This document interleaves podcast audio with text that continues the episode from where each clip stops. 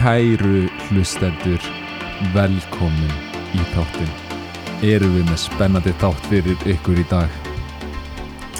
Um, Kanski það helsta sem er fréttum að okkar allra besti uh, satt mættur aftur í stúdíóið og er tilbúin að gefa af sér. mættur aftur og ég kannski læti ykkur vita núna satt er náttúrulega bara uh, stýtting á Satoshi Nakamoto og eins og hann gerði hér uh, fyrir nokkur árum síðan þá let ég mig hverfa og nú er ég komin aftur Vá, ólíkt Satoshi, þá komstu aftur. Nei, ég er að segja, ég er Satoshi Nakamoto Þú ert komin aftur ég er komin aftur til fólksins. ég bara sé núna tækifæri til þess að koma og, og hérna ég ætla ekki að opna veskið mitt ennþá sko ég ætla ekki að fara að byrja að færa liklana mína til en uh, ég get alveg sagt eitt og eitt orð. Að sjálfsög lagt og, orð í belg. og mættur í þennan þátt sem er ég er búin að vera persónulega virkilega spenntur fyrir. Við erum að færa hlaðvarpið upp á ákveðið annað level núna þar sem við erum að fá til okkar uh, konungsfólk. Já, þetta var ótrúlega gaman að spjalla við hann prins Philip frá Serbíu. Já, um, hann hefur náttúrulega vakið aðtegli síðastliðin kannski tvö ár eða hefur hann verið lengur svona ópenber ópenberlega verið að tala um, um bitcoin tengt málefni eða? Ég man ekki alveg hvernig að byrjar en hann kemur í einhverjum spjaltættan í Serbíu og það sem hann ofinberar sig svolítið með bitcoin og talar bara hástöfum eins og alvöru bitcoin maximalisti einmitt. Og það vakti mikla aðtegli innan samfélagsins og auðvitað gaman að fá uh, royalty. Þó svo að glöggir hlustendur gætu vita að það er ekki konungsveldi í Serbíu um, það hefur ekki verið síðastliðin 60-70 ár. Einmitt, hann er svona unofficial en, en hann er unofficial Já. og er sem sagt tilvonandi unofficial næsti konungur Serbíu þar sem að eldri bróður hans um, gaf honum tignina einmitt. En að þrátt fyrir það þá er bara áhugavert að spjalla við hann. Hann er með mikið áhuga á Bitcoin og vinnur hjá fyrirtæki sem heitir Jan 6 með Samson Má margir það ekki kannski Samson Má hann var að vinna náið með eh, Adam Baki á Blockstream.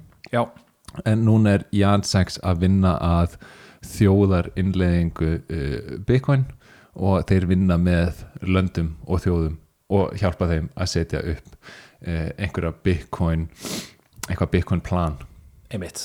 En áður en við fyrir nánar út í það þá erum við með tölur dagsins. Eitt Bitcoin er núna í 5.912.000 og fyrir hverja íslenska krónu færð þú 17 sats. Wow. já, það er bara mjög gott. Já sem er svarið, það. það, er alltaf hægt að segja það. Í hvert einasta skipti, það skiptir ekki máli hvort það sé látið það, það er bara alltaf mjög gott að geta keift bitcoin á því verðið sem það er í dag. Eins og ég segi, ef það eru margir satt fyrir krónu, þá er ég ánær ef það eru fáir, þá er ég líka svolítið ánær Við kannski látum líka fólk vita að hérna, við erum að taka upp þetta intro um, nokkrum vikum eftir að við tölum við hann. Já, þannig að uh, já, við, uh, hvena var það? Þetta var fyrir kannski Þetta svona var- í byrjun januar já, eh, þetta var í, í kringum jólin. Í kringum jólin, einmitt. þetta er tímum flýgur. Já, en við eins og okkar að þándur vita þá gefum við út þættina frekar óreglulega og það er bara allir læg þeir koma samt og uh, við höldum áfram að setja út það sem við teljum vera gæða efni við erum á bálkahæð 829.359 það eru 94,9% búin af þessu ípokki sem þýr að það eru einungis 10.641 bólki að næstu helmingun og fyrir þá hlustindur sem að kannski eru ekki færir í því að, lesa tíma og, og bló, að blokka hæðina saman sko. við erum að tala um bara einhverja svona 80 daga cirka Já, við erum bara að tala um í dag er 7. februar, þetta er bara februar, mars og sérna april 20. apríl heyrði ég að, 20. 19. já, Mér, mér sýnist að núna er það stefna 19. er það stefnan í Það er búið að vera insane hvað ég hasreitið er að hækka mikið einmitt og uh, þú veist, adjustmenti fyrir það er við getum náttúrulega að fara það eins út í það uh, hassreitið síðustu 24 tímanum búið að vera 610 exahash sem er svakaleg upphæð mm. En um, hvar hef ég þetta? Mm, En já, eins og hérna aðsti prestur Bitcoin heimsins Max Kaiser segir oft sko, þá er hérna hassreitið eiginlega bara mikilvægasti svona indikatorinn fyrir velgengni Bitcoin kerfisins. Já, og við getum hort á sem sagt um, þá orku sem er sett í að viðhalda kerfinu í bara svona tjarti og þú sérð í raun og veru bara endalaust upp á við. Það er, ein, það er voða það er auðvitað er það sveiflukent á stittir tíma en það er svona eh, mun auðveldar að sjá hvernig vöxturinn er já, í, í svona veldisvexti. Algjörlega. Og uh, síðasta breyting var 7,3% upp á við semst að það var 7,3% erfiðara að mæna bólka að grafa eftir bólka uh, og núna er estimatið að næsta verði 12% þannig þetta er engar smá uh, breytingar. Ef maður ímynda sér allt þetta magt sem er að fara í að grafa eftir bitcoin að það er að aukast um 12% einmitt. á takkjafnum tímbili og á mannamáli þýðir þetta að það eru fleiri vélar, það eru raun og veru fleiri meiri orka sett í það að viðhalda kerfinu sem þýðir það að það er einhver einhverjir aðilar sem að sjá hagsinn í því að keira bitcoin námugröft bitcoin mænera -hmm. til þess að viðhalda kerfinu og reyna að fá verðlun í staðin, nýtt Já. nýmyndað bitcoin og hvað er með þetta að koma? Við erum ekki vissir en það eru orðnumur um að alls konar þjóðir séu byrjar að grafa í leini og nýta alls konar orku afurður sem þeir eiga til þess að, að grafa á eftir verðmætastu eign í heiminum fyrir utan tíma. Bitcoin. Það eru tölurdagsins þá fyrir við í þáttinn. Þetta var magna viðtal við hann prins Philip.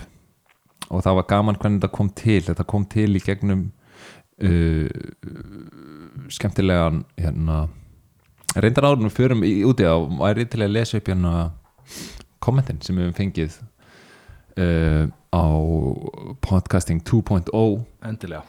Mm, það er hægt að styrkja okkur uh, in, í raun og veru ein leiðin til að styrkja okkur er í gegnum podcasting 2.0 með að senda okkur annarkvort uh, stríma til okkar sats þegar þú ert að hlusta í gegnum podcasting 2.0 upp eins og Fountain um, eða þú getur senda okkur það sem kallast Boostergram og þá sendur einhverja, einhverja magna sats og komment með. Og við höfum haft það þannig að við lesum upp þau komment í byrjun þáttarins. Þannig við hvetjum alla til þess að hlusta á þáttinn á einhverju svona appi eins og Fountain af því að til dæmis Fountain uh, notar auglýsingafésitt í að gefa uh, hlustendum sats þannig að ef þú hlustar á nokkra þætti þá færðu nokkur hundruð eða nokkur þúsund sats og þú getur sér nýtta áfram í að senda boostergram á byltinguna eða einhverja aðra þætti sem styðja podcasting 2.0 sem eru nú flest allir Bitcoin uh, hlaðvarpsþættir. Og við mælum með þessu. Þetta er skemmtilega leið til að bæði styðja mm, þáttagerðar fólk og til þess að taka þátt í umræðinu og, lík, og líka til þess að bara fá ókeipis bitcoin í hendurnar og bara svona til þess að setja þetta pínlítið í samhengi. Ok, þú fær 100 hérna sats fyrir að hlusta þátt segjum á að gera það. Og einhver geti verið að hugsa með sjálfum sér það er ekki neitt rosalega mikið maður er ekkit endilega að gera þetta fyrir það. En þá getur þú hort aftur í tíman og það er til dæmis að sjá hvernig Coinbase byrjuðu sína starfsemi um, sem er stærsta svona, já, sölu aðilin á Bitcoin í retail í dag þegar þeir voru að byrja þá sagt, til þess að reyna að afla sér nýra viðskiptavina þá voruð þið með alls konar kvata til þess að fá fólk inn. Og þar á meðal voruð þið með referral kerfi. Þannig ef að þú sem viðskiptavinur Coinbase þegar þeir voru að byrja uh, náðir að fá vinnin til þess að taka þátt með því að íta á einhvern link og eitthvað þá gáðu þeir þér 0,1 bitcoin í gjöf í staðinn. 0,1 bitcoin sem á þá, þeim tíma, þú veist, öruglega bara eitthvað, þú veist, hálfu dólar eða eitthvað. Mm. en akkurat núna þá getur við verið að nota þessa peninga til þess að framflita, framflita sjálf þér og fjölskylduðinni, sko. Einmitt. Þetta er alveg ekki lítil peningur. Nei, alveg yfir hálf miljón einmitt. það er magnað og tíminn hann flýgur og Bitcoin hækkar með þannig að hafið þetta í huga þegar þið ákveði hvað þið ætla að hlusta á hlaðvörpin ykkar. Uh, og síðan hefur komin í uppfærsla á fóntinn sem er virkilega góð. Þetta er orðið bara að mínum að þetta er besta hlaðvarps appið þótt að það væri ekki Bitcoin feature. Síðan er hægt að taka upp svona clips, deila þeim áfram. Þetta er snild og mæli með að sem flestir gera þetta og að þessu sögðu gaman að lesa fyrsta kommentið. Fyrsti þátturinn sem ég hlusta á í fántinn takk fyrir alla þættina. Er held ég búin að hlusta þrísvarsinunum á nánast alla. Merkilega skemmtilegt að hlusta á okkur tala við einhvern sem er ekki endilega á byggunvagnunum þá ekki við um þennan nummer 37 með Jimmy Song. Hlakka til að hlusta á næsta.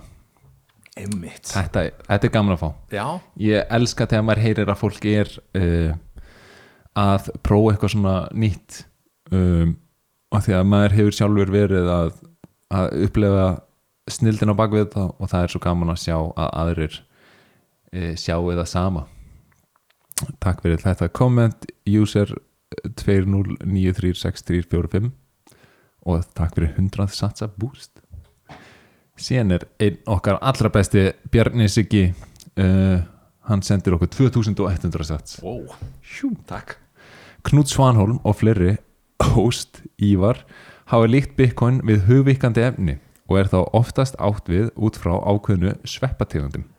Fiat er þá frekar einhvers konar sníkisveppur sem kemur sér vel fyrir og lifir á hísli sínu uh, sem veldur slíkum skada að hísillin jafnvel deyr. Fiat Ruins Everything er frábært titill. Takk að fyrir góðan þátt, mjög gott viðtal við Jimmy Song þá er þetta mjög skemmtilegt viðtal við Jimmy Song og bókin hans Fiat Ruins Everything er eitthvað sem ég get klálega mælt með. Uh, hann fer þar úti bara hvernig Fiat innmitt eigðalegur allt. Og ef þið hafið ekki listað á hann þá mæli ég eindræði með því. Klart mál. Mm, en jú, það er uh, það mætti líka einmitt við hérna mætti líka Bitcoin við uh, sníkju svepp uh, og hann Jón okkar segir uh, Candida fiatensis skelfulegu sníkju sveppur svo sannarlega. Candida fiatensis. Já. Um, og síðan kom eitt uh, skemmtilegt fyrir þáttinn með Eiriki Magnús sinni sem kom til okkur að letum isturiska hagfræði þið þekkið hann sem Ísmæl á Twitter og hann hefur verið að gefa út mikið að góða efni um isturiska hagfræði. Uh, þar segir user 20936345 takk fyrir þáttinn. Og takk fyrir áhlustununa mm, Gott að heyra að fólk sé að hlusta. Já, það er mjög gaman. Þannig við hvetjum ykkur endilega til þess að uh, stiða þáttinn og senda okkur boostergram Já, en Prins Philip, einmitt.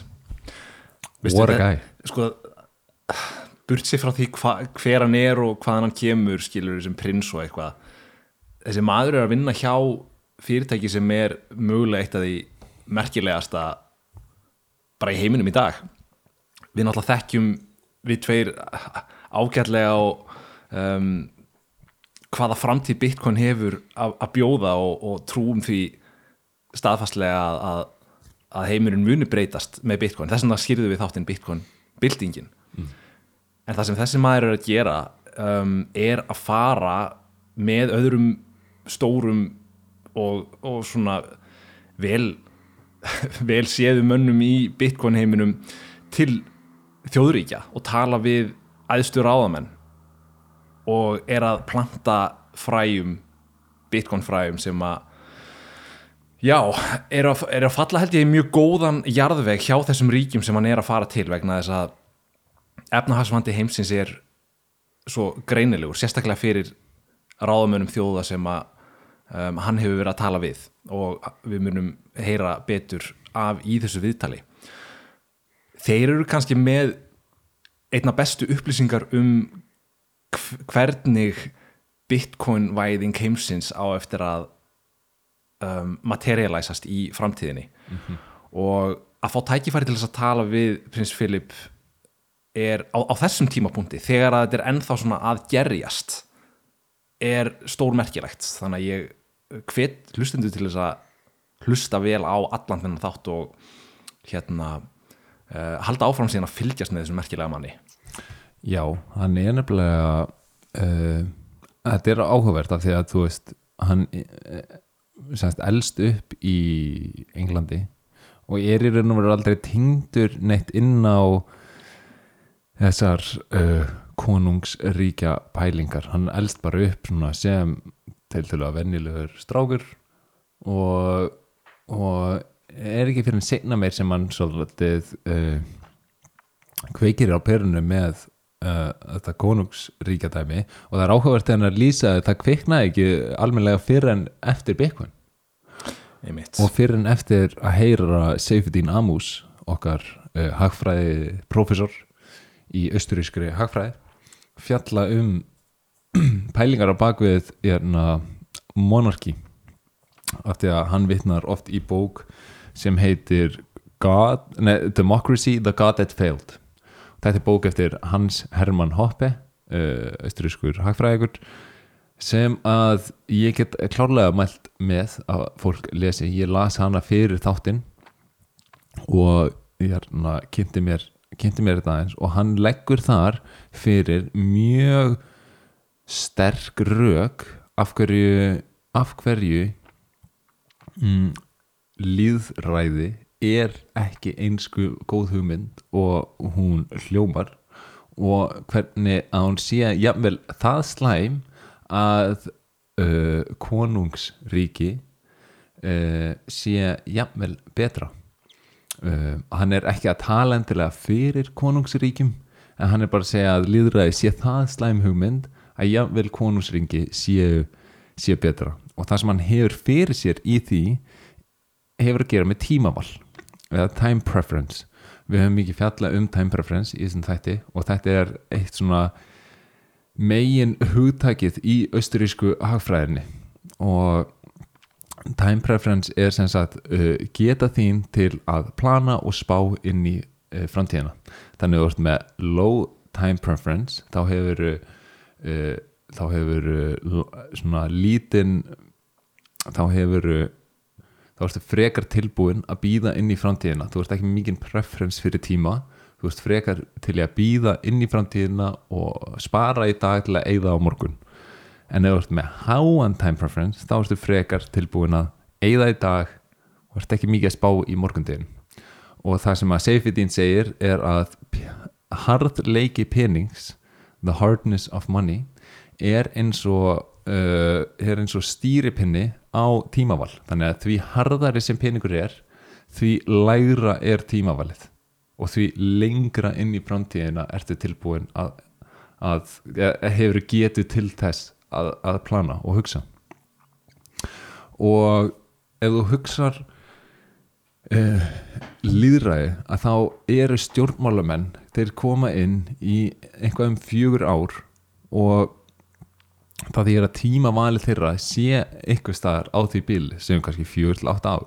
Þannig að hvaðin þinn er að fara inn í ríkistjórn eh, og stjórnmál og reyna að ná sem mestu fyrir þig á þessum stötta tíma. Þannig að þú ert tilbúin að til dæmis lofa kjósendum algjörlega þú veist, einhverju sem að sem að þú kannski getur ekki endilega staðið við en ert tilbúin að lofa því að því að þú ert hvort þið er bara farin út eftir fjögur ár. Þannig þú getur lofað einhverju og síðan kemur þú inn og síðan kannski stendur þetta að lofa en síðan er þetta bara farin. Þannig þú þarft ekki að hugsa Einmitt. lengra. En í konungsríki þá ertu að tala um að það eru kynnslóðir af fólki sem eru að stjórna landinu og ef að þú vilt að uh, börnin þín eða uh, ættkomnir hafi gott og heilbrygt konungsríki að þá er eins gott að þú hugir vel að því. Og þetta veldur því að þú hugsar lengra inn í framtíðina og, og á því um líkt. Einmitt.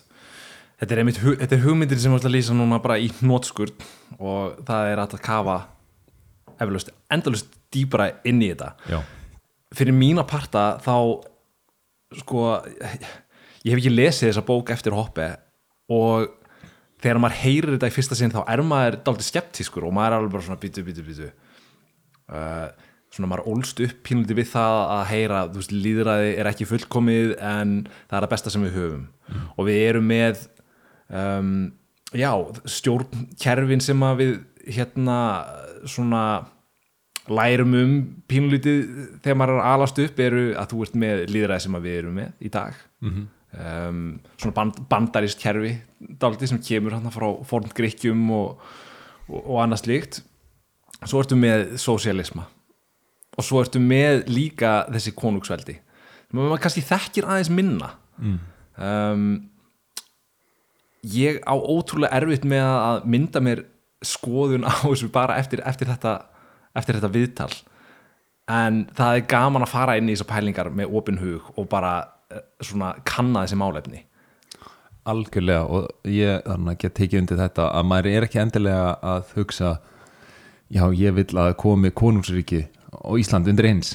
Heldur er þetta kannski bara viðræðins pælingunni bara, ok, það kannski er eitthvað uh, einhver rök fyrir konungsveldi og það hljóma líka alltaf hjá mér sá sem veit bara eina hlið að ein, eitt hverju máli veit ekkert um það mál að kynna sér báðar hliðar og alveg bara svona virkilega kafa í það með opin hug uh, á möguleikunum að, þú veist konungsríki gæti verið haft eitthvað jákvætt í för með sér og, og þá, þá held ég að maður skilji líka liðræði betur og, og það sé já að, að það, það sé bara heilbreytt en auðvitað fann ég líka þegar ég heyrði safety tala um þetta fyrst þá verður maður svolítið svona triggeraður maður verður svolítið svona bara svona hvað er hann að bylla en síðan er á mjög höfurt að, að hugsa þetta út frá tímavali og, og rökin sem fylgja þar með.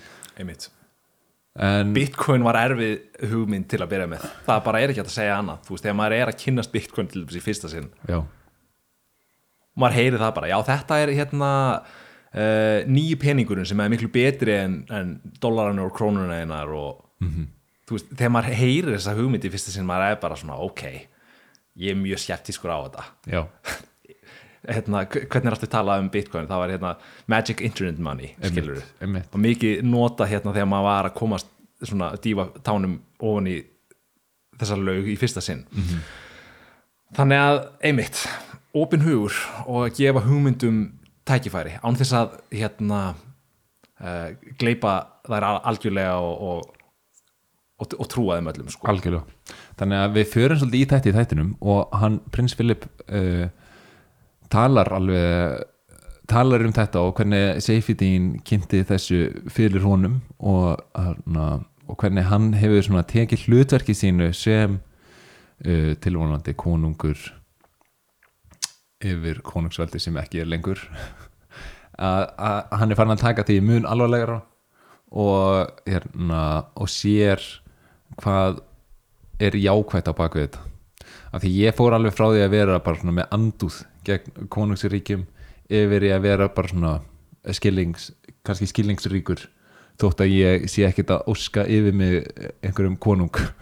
Nei, um, að þá, þá svona, já gaman að, að viðra þessum pælingum. Já, klárt mál. Uh, við erum bara mjög spenntir að uh, leifa ykkur að hlusta. Um, margt auðvitað búið að gerast síðan við tókum upp þáttinn. Það var ETF samþygt að kom fyrir að SEC voru komnir á endastöð og gáttu ekki gefið meiri frest og þá voru öll ETF-in samþygt og var þetta frekar skraudlegur viðburður af því að kvöldi áður kemur tvít frá SEC þar sem að þeir uh, sem sagt, lýsa yfir að, að öll ETF-in séu samþygt og það er síðan strax tekið út og kommentið tekið tilbaka og þeir halda því fram að þeir voru uh, hakkaðir. Já, einmitt þannig að þetta er bara eitthvað svo típist fjasko að gerast og einhvern veginn í takt við það sem að Elon Musk sagði einhvern tímann fyrir nokkur árum síðan að hérna the most fun hérna, outcome is the most likely one to happen. Og þetta er einhvern veginn eitthvað bara svona lífið er bara alltaf skemmtilegt. Einmitt. Höfum bara gaman að þessu og Já. þetta er bara alltaf fyndið. Já, einmitt. Og þú veist, talandi um uh, market manipulation þú veist, það sem oft SEC er að reyna að koma í veg fyrir uh, lenda þeir sjálfur í síðan. Og maður spáir í, þú veist hver ætlar að fara á eftir SEC fyrir mögulega markas misnótkun nákvæmlega, ég meina verðið fór upp um hérna, einhver hundruð eða þúsundi dollara og svo fjalla aftur niður þegar hérna, fólk fattaði að þetta væri bara hérna, non-news eða, eða fake news. Einmitt en síðan kemur það bara næsta dag að þá er það bara, þá er allt samþykkt. Og ETF-in byrja að treyta uh, næsta dag sem sagt á föstu degi og það var uh, frekar magnaður viðbrur við hérna, voru margir mjög spenntir fyrir því að gerast. Um, en síðan öllum á óveru þá fer verðið að lækka í kjölfarið og þó maður sé ekki alltaf bara með einblindur á verðið þá er samt áhugavert að spá aðeins í þessu hvað er að eiga sér stað eh, vegna þess að allt í einu eru stærstu sjóður í heiminum farnir að sísla með bitcoin. Um, en á sama tíma þá eh, lækkar verðið. Og, og það er gaman að pæla þessu. Eh, það er hérna auðvitað það sem var í bóði áður var GBTC þannig að það sem var í bóði áður var sjóður sem var hægt að fjárfesti á kaupallum og eina sem þessi sjóður gerði var að kaupa Bitcoin. Mm.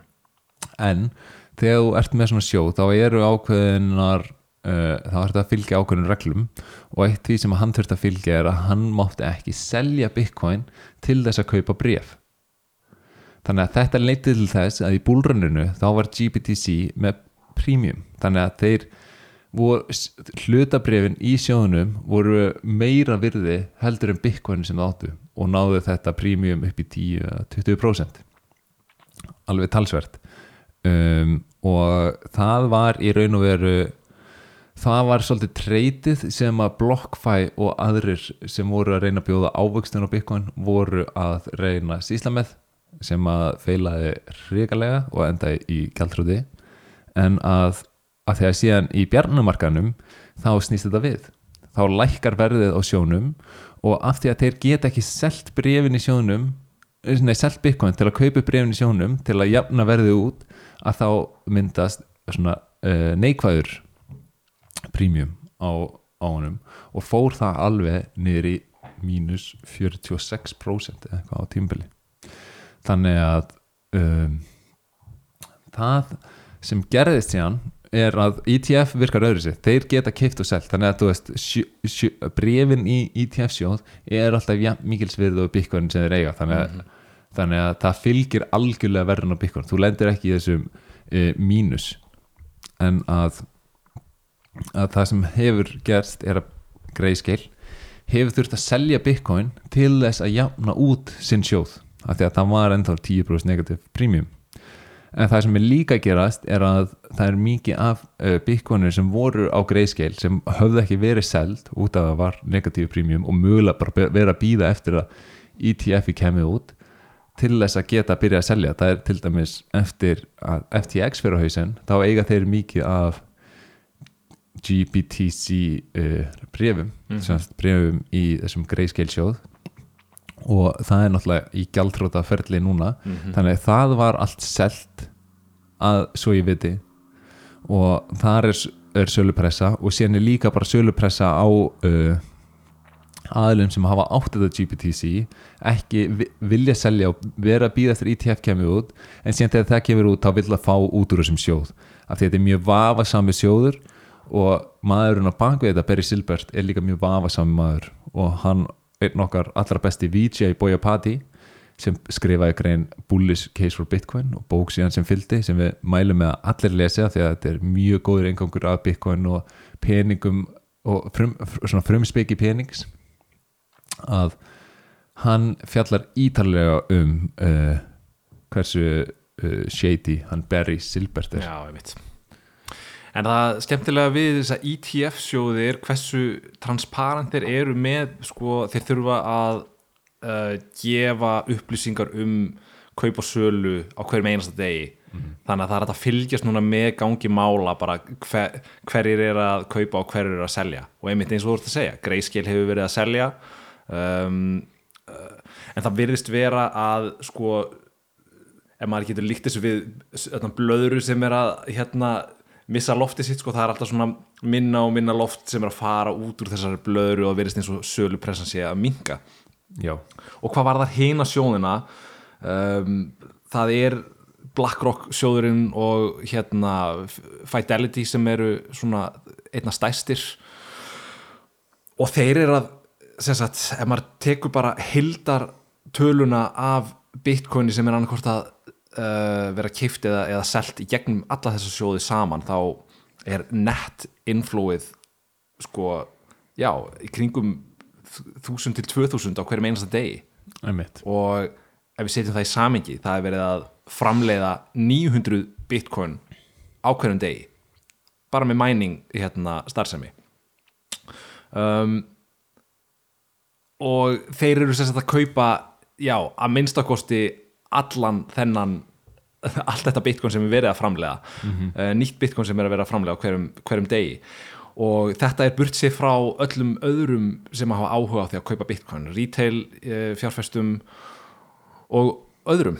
Þannig að uh, þetta lætur mann strax bara hugsa um frambóð og eftirspurn. Og þá hérna sér maður fljótt að, að verðið mun á einhverjum tímapunkti ef þetta heldur svona áfram uh, neyðast til þess að fara upp á við. Klárlega. Uh, og þetta er líka bara spennandi að því að nú eru komnar einhvern veginn stóðirnar uh, fyrir næsta búlrun. Um, og það, allar þessar grunnstóðir sem þarf fyrir eitthvað alvöru búlrun eru, eru komnar. Þannig að þegar að helmingunin kemur og manjan byrjar að þá er mjög auðveld leið fyrir nánast alla fjárfestara að komast inn í Bitcoin. Einmitt. Sérstaklega eins og í gegnum þessar kaupallir að núna getur þú fengið bara hérna keift í sjóð BlackRock eða hverjum sem það er og það er að fara að vera mjög solid. Einmitt. Um, að því sögðu þá er hérna þá heyrist mér svona Fidelity séu mest með þetta á hreinu. Þeir eru, ekki, þeir eru að self-custodya coinin já, þannig þeir eru ekki að treysta Coinbase eins og held ég allir hinnir sjóðinir þeir eru líka að nýta prósentur af uh, þeir fór sem sagt fís og prósentu af því fær til Bitcoin developer já, einmitt. Það var fallit að sjá. Já, og að þannig að við getum klálega mælt svona mest með Fidelity en auðvitað eiga allir sem, ef þú ert bara retail investor þá ættir þú bara að kaupa þér alveg bitcoin. Og þótt þú eigir peningin á kaupöllum þá mælum við bara með því að taka hann út af og kaupa þér bitcoin alveg bitcoin fyrir það. Og af því að það er bara annað að eiga alveg bitcoin í eigin vörslu sem eru órið skoðanlega og ó, uh, unconfiscatable og hérna hrifsanleg einmitt, sem gerir bitcoin að þeim byltingakjönda pening sem hann er innmitt. Þetta er nefnilega miklu meira en bara verðhækkanir sem við fáum með Bitcoin. Já. Það er líka ákveðið frelsið hana. einmitt, Frelsið til að halda, frelsið til að senda og frelsið til að fá sendan auður. Um, þannig að það er bara mjög spennandi. um örglega eftir að tala mjög mikið um ETFs í framtíðinni þannig að Já, en núna er þetta einhvern veginn núna er þetta einhvern veginn komið út og þú veist þetta er orðið bara eðlilegt einhvern veginn. Fyndi hvað þetta er fljótt að gerast? Einmitt, en það verður áhugavert að fylgjast með verðinu. Það er búið að vera frekar stöðhugt síðan að þetta síðan það kom út. Mm en að það verður áhugavert að fylgjast með framhaldinu. Já. Ég held að við ættum bara að hérna, vind okkur í viðtalið, en það ekki? Já, bara njóti viðtalsins, elsku hlustendur og hafið það sem allra best.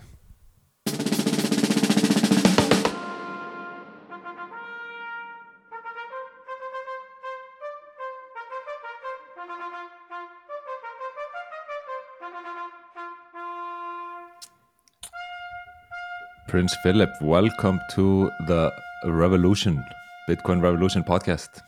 Thank you for having me on, Ivar. It's great to be here. Um, we maybe just like to start off uh, to getting to know your background, Sure. and you are often referred to as the Prince Philip of Serbia, that's, and that's yeah. I'm that's, sorry that that's sort that's sort of how I came to know you. And there was this uh, famous interview on Bitcoin Twitter that came up with you uh, discussing Bitcoin in a really proper manner. Um, yeah, that's I guess when uh, I came out as a Bitcoiner publicly. That yeah. This was like a year ago. yeah, about, uh, about a year and a half ago. That came out. That was recorded in February 2022, and it came out March. Oh no, sorry, it was recorded March 2022. So yeah, a year and a half ago. Oh, yeah, almost two years ago actually. At this point. Uh, That was the Ivan Ivanovic show, which is like the biggest talk show here in Serbia, like the Saturday Night Live equivalent of, of Serbia.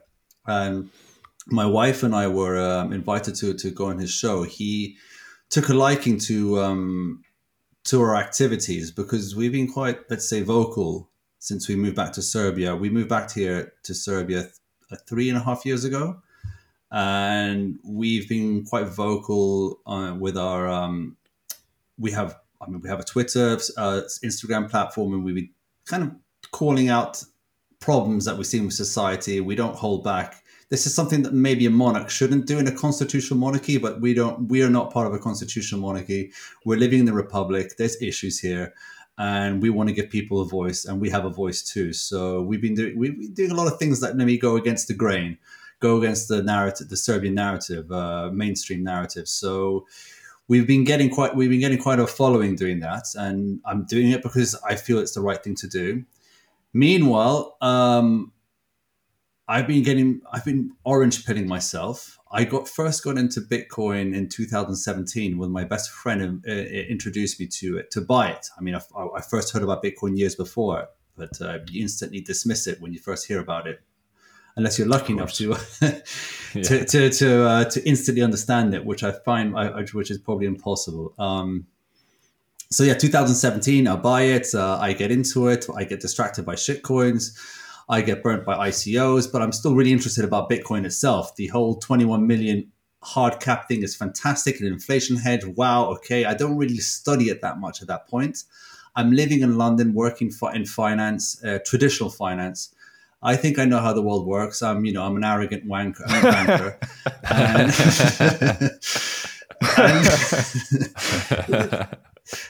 And, and you know i uh, i meet my wife during the same time as sorry I'm, i i meet my wife i marry my wife at the same time as i buy my first bitcoin and have our and then we have our son the year after 2018 and next thing i know is t- 2020 happened uh the pandemic pandemic whatever way you look at it uh, uh, sorry, and and next thing I know, we my job went online. I was one of that lucky laptop class, you know, one of those people who were able to work uh, from home. And within two weeks of realizing realizing that I can able I'm able to work anywhere in the world, I always had a desire to move back to Serbia, but I didn't know how and what capacity. You know, I didn't have I didn't know what, how to get a good job there. It was basically it was this presented as best as a really good opportunity that I had a decent job. I could move to Serbia, and I told my work this, and my work were like, okay, when when when things open up again, you can come back to London, and maybe we can organize a maybe fifty percent time there, fifty percent time here. All right, fine. But anyway, I moved to Serbia, and then I haven't looked back since. And meanwhile, as I moved to Serbia, I know I saw that the uh, financial markets. I saw being in, into in, into traditional finance myself. I saw that things were just not behaving rationally. I saw the huge amount of uh, of stimulus, quantitative easing that was happening during uh, during 2020 and going into 2021, and I thought to myself, yeah, I knew what quantitative easing was, but I didn't really quite grasp how dangerous it was, and I then decided to study more about Bitcoin with my knowledge, my limited knowledge at the time, that I knew that it was uh, it was a hedge against inflation, and it was also you know a promise of a new paradigm, a new system that would uh, that would make things better. That was it. That was my knowledge back then. So I studied more. I got into it. Next thing I know, I realized my whole I my, my head blew. It was just incredible what I what I learned. And I, I, I immediately ordered a book of uh, Bitcoin Standard. I read that. I joined Bitcoin Twitter. I had a dormant Twitter account and since like 2010, and I finally went back on it and I joined and uh, I started following some uh, Twitter accounts. At this point, I was still kind of into crypto as well, but it, I kind of realized that within a couple of weeks, two three weeks of, of of joining Bitcoin Twitter and then ordering the Bitcoin Standard, that that was all bullshit. that really it was all about Bitcoin. Well, And- this is uh, really similar to to my journey. I think it's Started similar to a lot of people's journey, really. I mean, you first get introduced Yeah. to Bitcoin, get distracted. especially the, the I guess the especially the pre 2020 school, the ones that were going in in the 2017 bull run. yes, Um, there wasn't this level of education, and it was way harder to realize the importance of Bitcoin only. But it was similar with me. Once I read the Bitcoin standard, it all just everything started to come together and uh, make perfect sense. Bitcoin Standard and memes I found were very helpful. Yes. Just Bitcoin Twitter, Twitter, the uh, the passion and the jokes, but also some of the, the intelligence there. It's it was quite high signal, I thought, and that really helped me in my journey to being a to being a maxi. And that's what that led to me to uh, to then when when we were invited to the Ivan Ivanovic show, which you first talked about, and then he, we met him. He about four days before the recording, he had us over to his to his flat. He actually lives um, on, on our road, so that was nice and easy. And we went over to his flat. We got to know each other, and he found out that I'm into Bitcoin. Didn't really think much of it then, but then during the show, as we were recording, he was asking me about my current job, and I'm speaking in a monotonous sort of uh, voice, thinking, "Yeah, I'm in traditional finance. I like analyzing this, blah blah." And he goes, "It's now a good time to talk about crypto." And, and I was like, "Oh yeah," he, he triggered me basically, and I was like, "Ah, yeah, not." Not, no, it's not. It's not. It's not crypto. It's all about Bitcoin and blah blah blah. And then that clip went viral. Yeah. He Yeah. cut right to Oh. the chase, right? he got cut to the chase. I don't know. I don't know if he actually knew what he was doing, but um, it got it worked It was perfect. And because it was really here I am speaking to people like yourselves. You know, which which is always what, what I wanted to do since discovering Bitcoin. So, yeah, It's, it's beautiful. So tell us a little bit about uh, your family history. How sure. how um, yeah how how did the how long how long did the reign of the family last and how I'll- did it I'll how give did it you- come to an end? brief history from the from the start of the dynasty. So the start of the dynasty really is marked by the year 1804. That's the first uprising of Serbia, and that's when Karađorđe Petrovic, uh, he was an affluent pig farmer or livestock merchant. And this was during the Ottoman Empire, and on Serbia and the region was under Ottoman Empire rule. Uh, there was a lot of yeah basically we were we were treated like slaves to some extent we weren't re- we were allowed to practice religion we were allowed to go about our day- daily lives but we were slaves to them we had to pay our, our taxes to them and they they you know they ruled they were they they, they were an em- they um they were the uh, they were an empire and we Karađorđe was the first uh, Serb who led an uprising, who was a general, who sorry, who became a general of, of, the Serbian army of a resistance, who gathered together about 300 people, three 300 other able men, and created an army and start, which happened in Orashac.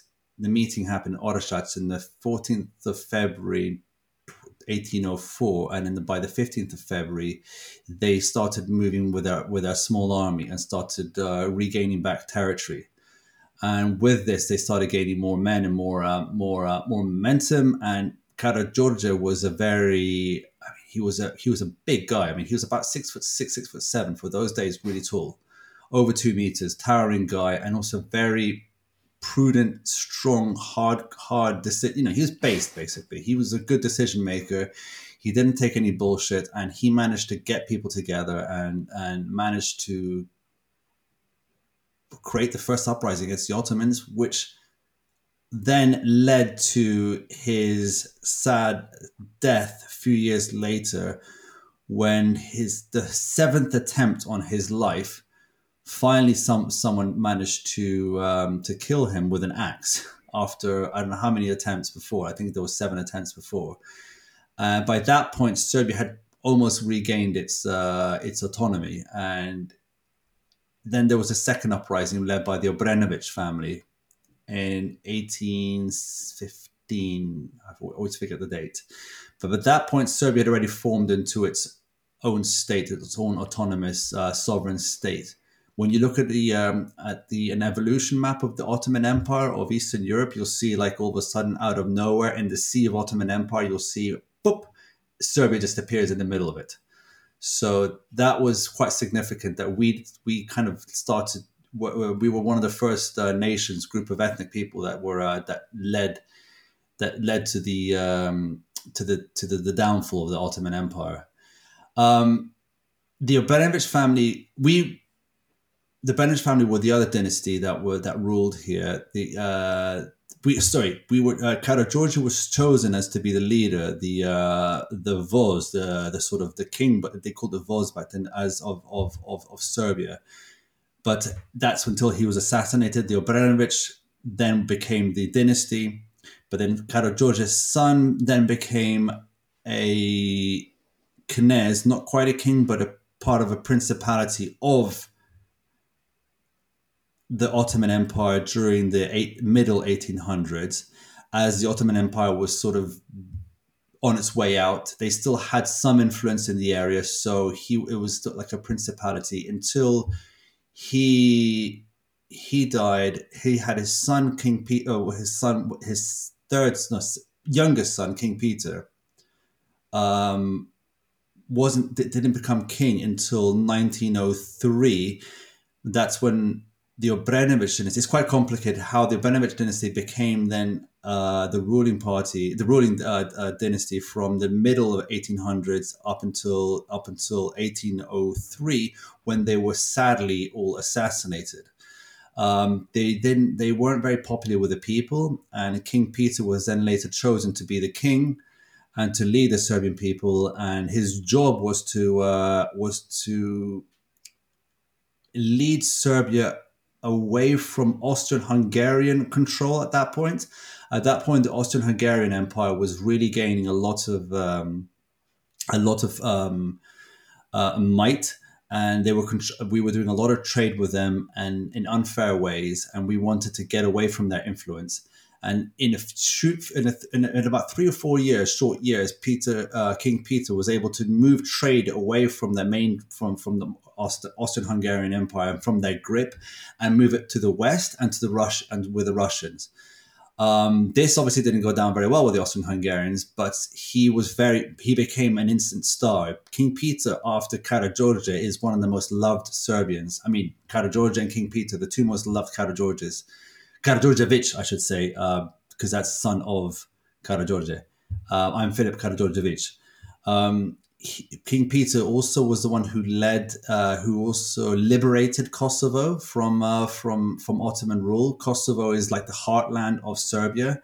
This is why you hear a lot of Serbs saying uh, um, we're not very happy with the whole situation of the, the so-called independence of Kosovo in 2008, which was done in very unfair and illegal uh, circumstances and undecided through, through no referendum in 2008, basically by international pressure.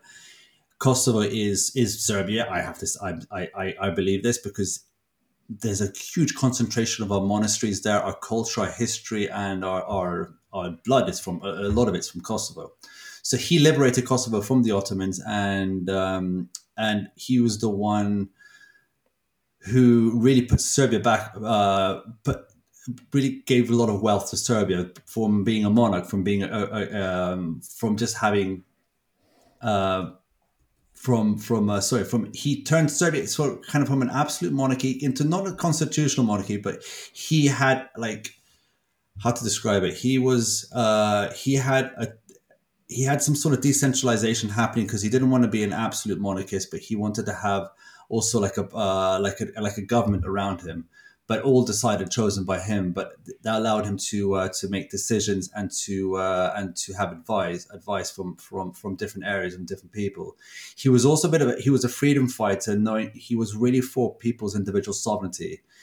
He um, basically very very very popular king and sadly he or not sad well he died just after the first world war in 2000, uh, 1922 and he was also on the front line during the First World War. He was actually there fighting for um, for Serbia on the front line. I mean, he was an absolute hero. His son, second son, not first, because his first son abdicated in favor of my great grandfather, King Alexander I, became king of Serbia, which then later became Serbia, the Kingdom of Serbia, Croats, and Slovenes which then later became Yugoslavia. And this was all to unite the area of Slavs against the ever increasing power of the Austrian Hungarians. We had to sort of get together in order to, to keep the Austrian Hungarians at bay. Um, Yugoslavia was created basically by my, by my great grandfather. Um, he was my great grandfather, King Alexander I, was assassinated on 19, 1933 by. Uh, well, this is where kind of be argued, but some people say it was by Croatian nationalists, but I think there was some other story to it. But he was assassinated in Marseille in 1934, I should say, not 33, 1934, October the 9th.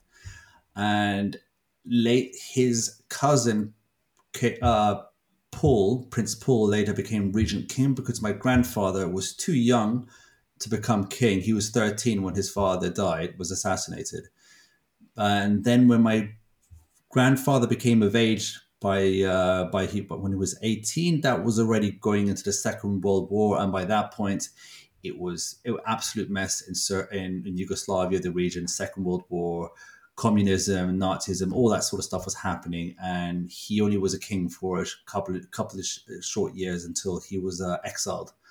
And we were driven out the country the Karađorđević driven out the country. He ended up uh, moving around um, settled in London for a little bit, where he, my father was born in 1945, and sadly, my my grandfather and my and my, my grandmother they sort of they never divorced, but they fell apart. I mean, they they they uh, they fell out. Um, so uh, Yugoslav Secret Service sent like a um, a mistress to, to do to do this to do their, their, their dirty work handiwork to make sure yeah to, to, to tempt my grandfather away from from from all this. They really try to destroy the family without killing us.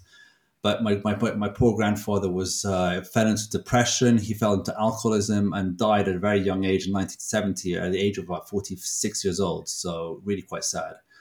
Um, my father then became the head of the house and my older brother was born 1980 with my he married my mother which she's a princess of Brazil a Brazilian princess.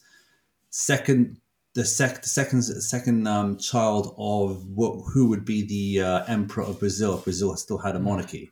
So her sorry her grandmother so her great great uh, grandfather was the, uh, the, the the the last um, the last emperor of Brazil Pedro II and so I have Brazilian monarchy um, blood in me as well. oh wow! yeah, that. So my older brother was born 1980. Then my twin and I were born 1982. And then to speed up things, then um, we we lived. Uh, my parents separated. Sadly, we moved to Spain with my mother. Then we moved to London with my father. And then and then all of a sudden we're all. I moved back to Serbia recently.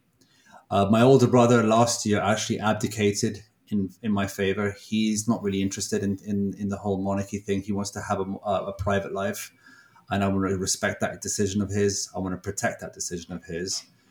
And he decided to abdicate to give me the hereditary line titles. So now I'm I'm hereditary prince. I'm will be the next in uh, the next head of the family after after my father, and that happened last year. That happened that happened a month or so after I I, I, I, went out as a, publicly as a Bitcoiner. So it was quite a uh, quite a transitional year for me last year. I left my traditional finance job um, shortly afterwards, as I was offered a job with uh, we'll talk about later with uh, with Samson Mow Jan three, and sorry, there's door. yeah. No, no um, uh, then uh, yeah, so last year was quite a bit, bit a bit of a transitional year for me. So uh, yeah, that brings us to to then have a lot of people approaching me and having a lot of conversations and old friends reaching out and then old friends that know you guys and then here we are speaking together. wow, that is really amazing uh, and incredible history we have been discussing before the show of uh, this book by Hans Hermann Hoppe. Yes. And it's a really, really interesting book called uh, Democracy, The God That Failed.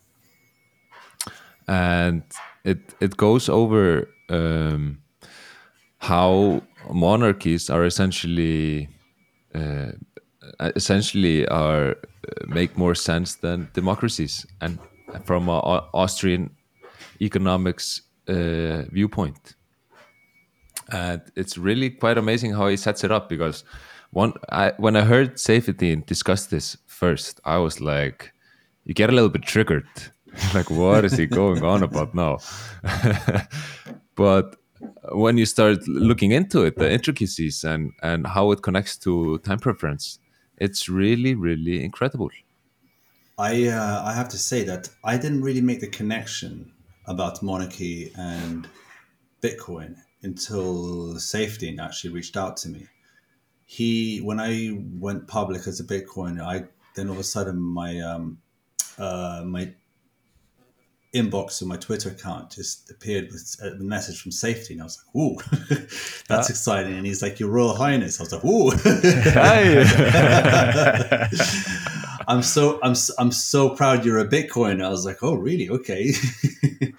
wow. And uh, he says, yeah, you know, uh, you know, nice to meet. I'm Saifedean and blah blah blah. And you know, I, I also have to let tell you that uh, I really believe that Bitcoin and monarchy go hand in hand, and and I think Bitcoin can help restore monarchies, and I think monarchies can help Bitcoin, sort of thing. And I was like, whoa, I never thought of it that way. And, and then I realized that actually, yeah, it makes total sense. I mean, I'm probably not the quickest of the guys, but then realize, of course, the low time preference aspect of it is is is is huge. So both monarchy and Bitcoin are about low time preference, and the other aspect is uh, individual property rights. Obviously, Bitcoin that's its most one of its most fundamental um, uh, tenets is it's it's the idea of of of absolute, beautiful, perfect property, uh, individual property right and with a monarchy, it's all about protecting people's property. If a monarch decides to take people's property, he's not going to last very long. He has to respect people's property if he wants himself, but not just himself, but if he wants his uh, his his generations to come to still hold that uh, that position. He can't steal much from the from the present. He has to basically maintain and look after the present so to, to, as a caretaker for the future so his generations will inherit a nice a land that is uh, that uh, that they will have to look after for the generations before after them. So they have to make prudent decisions that will last a very long time. And i guess that's what bitcoin is to some extent. So he opened my eyes up to that and this and so we've had some good conversations. I went on his podcast as well like uh, a, a couple of weeks after that which for me was a very surreal moment of my life yeah, I listened to that podcast and it was fantastic. And he introduced me, sorry to say, he is the one who introduced me to the book. I have a copy, and I'm afraid to say I've only read one one chapter. It's it's a very heavy read, but it's an extremely heavy read. Very heavy read. I think Hans uh, Hermann Hoppe writes his second language is English, but he says that he writes better in English because he has to really concentrate. So he manages to compact the language into such beautifully written, but also such compact uh, sentences, which have so much information in one sentence. So if you if you don't concentrate for one or two sentences, then you lose it. You have to really concentrate sentence by sentence. Um, and so what I found that la- over the last year when I tried to read this book is uh, I've been distracted with work, with in, um, uh, also increasing my family. I just had a daughter six weeks ago, and I think whenever I whenever I try and hop onto the book, hop onto Hopper, I don't get very far. It's it's well, contri- funny because like uh, Ludwig von Mises, you know, the kind of the Yes. father of uh, the Austrian school, or one of them. I mean, he also wrote in English, although his first language is German. And uh, yeah, it's uh, so uh, I just saw that connection there. I I've read some of his work as well, similar similar style English. It's Yes, Ger- sort of Germanized English with very long, you know, uh, complicated wording and sentences. In a, in a way, you know, like you know how the German language works. It's it's uh, it's very it, I don't know how it, works, but I can see by reading them, I can see kind of how it's structured. Um, yes, yeah, it's it's. I, I I don't know if you know Bitstein. Have you heard of uh, Michael Goldstein? Of course, Bit- yes. We are meant to be reading the book together, and he- we met each other in Miami last last year. That was in April 2022 when I was invited after I went public as a Bitcoiner. We met at Saifedean's um, steak dinner, and we sat down together. We got on very well. And He's like, "Let's read the book together." Um, I have, you know, sad to say that he also, you know, we didn't, we haven't got very far. Uh, it's he also got distracted because he also increased his family as well. But uh, we're Just we Bitcoiners doing Bitcoiner things. Exactly, exactly. but he read the book. He was a, you know, as you know, Bitstein was being ahead of the game. Um, but uh, he's one of the you know, early Bitcoiner. He understood it. He got it from the from the get go. He started things like the Sat- Satoshi Nakamoto Institute. And so he wants to kind of he wanted to help tutor me and help me go through that book. He read it ages ago, but he said, I'm happy to read it again with you. So when I find time, I need to go read it with him. But he's the one who introduced me to other Austrian books and other articles to read through. And so I got a big, big shout out to Bitstein as well, who's uh, who's been who's been quite um, guiding through through my uh, Austrian economics um, introduction. yeah. Yeah, I was going to say I was surprised that he hadn't read it, but uh, now you say that he read it. Oh no, he read it years long ago. time Yeah, ago. but he wants to read it now with uh, with with uh, with a prince, I guess. yeah you have to invest so much uh, time you know in uh, for the austrian books but they they do pay off and i think like the the core concepts and uh, axioms they they they really change you the way you think for example the way you were talking about uh, the low time preference. As a like a monarch has adopted a low tri- time preference therefore planning more for the future and taking like responsibility for the next generation instead of uh, you know uh, a voted politician who may might stay there for for four years or, f- or five years.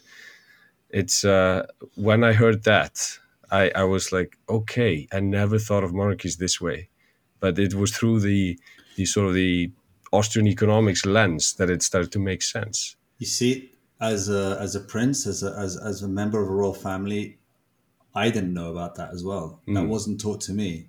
You see how destructive fiat has been, how um, in the indoctrination, how strong it's been with uh, with even with royal families over the years.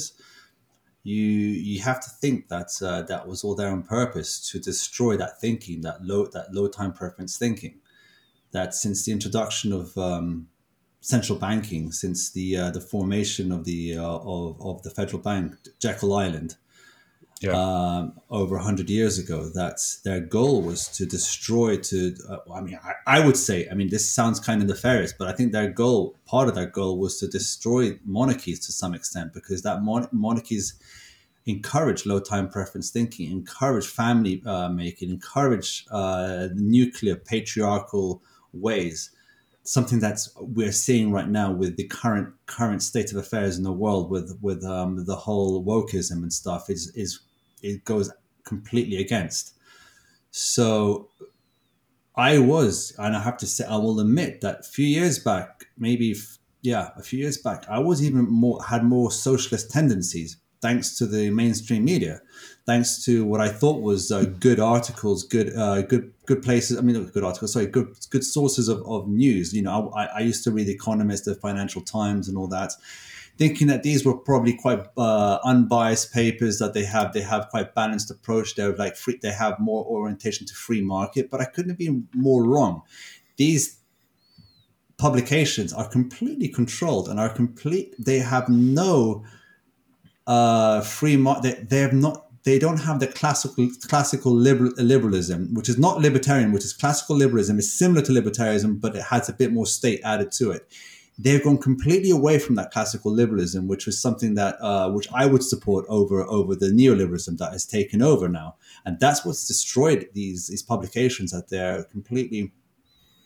yeah, they've they they they they they, they changed. Well, not I say changed. They um, they molded my worldview and something happened where I then see the inequalities of, of, of society. I see I see the rich and the poor divide getting greater and greater, and I don't associate that with. And so I, I see the fixes to that problem as the whole tax the rich approach, which is a socialist approach. I don't see that the actual approach is no fix the money and, uh, and, and, and, and correct the, poli- the, the, politics. I don't see it that way. I see it like, oh, the, the rich have gotten have gotten it easy, which yes, they do. Of course, they're closer to the money printer. They get better rates, and the whole Cantillon effect makes it makes it makes it easier for them to get wealthier. But what is the what is the underlying problem of the Cantillon effect? And that's why we're here discussing things like Bitcoin. Um, sorry, I'm going off on a tangent over here, but no, what I've got to say is that I as a as as a member of royal family did not see the low time preference thing. I wasn't into having families. I wasn't into into into building. Families. I wasn't into. I, I thought there was no future. I thought global warming and, and climate change was was was a real issue. Um, I thought that the, the future is going to be doomed and stuff. I, I became very high time preference living in the now. I became I, I had a life of very of, of, of, of instant gratification. I lived I worked finance, I made okay money, but then come every Friday, I wanted to spend that money, have have as much fun as possible, and not even save or do any you know do anything constructive that w- I would see as constructive today. I thought just you know just have having fun. Who who cares about the future because there is there isn't none. And how destructive that is. I I wasn't the only one. There was millions of other people doing this as well. And luckily, yeah. yeah. No, but I totally relate.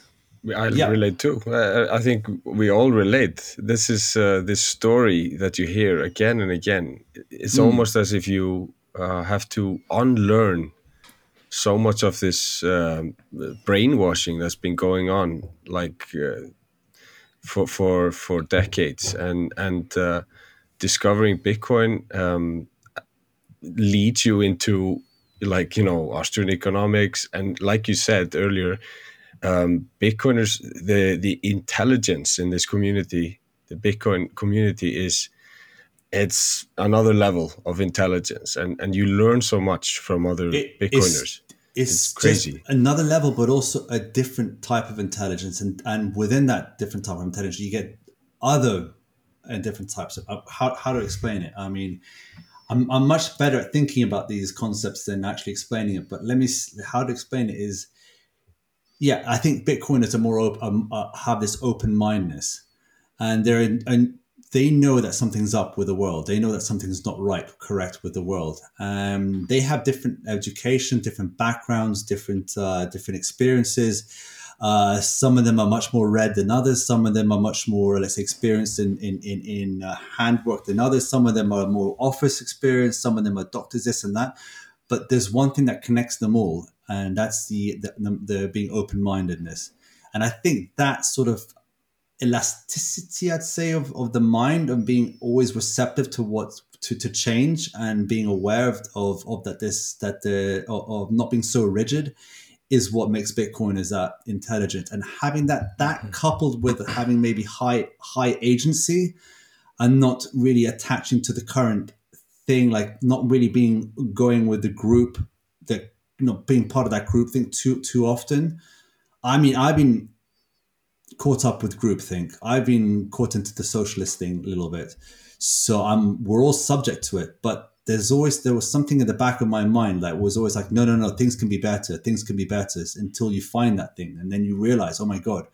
But then when you find that Bitcoin thing, all of a sudden you you you your mind opens up to how everything actually works and how life really is. And for some people, I think that's maybe a little bit too of uh, of of too much mental gymnastics to actually mm-hmm. fully grasp.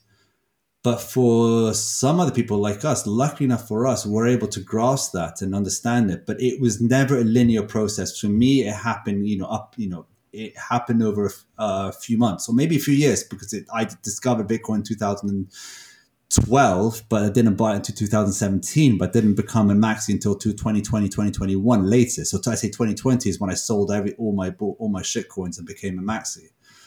So yeah, I know. Again, I'm going off on a tangent, but uh, it's a good no, point. No, I mean, we love. I think it's the strength yeah. of the community that you can you you feel it so so strongly.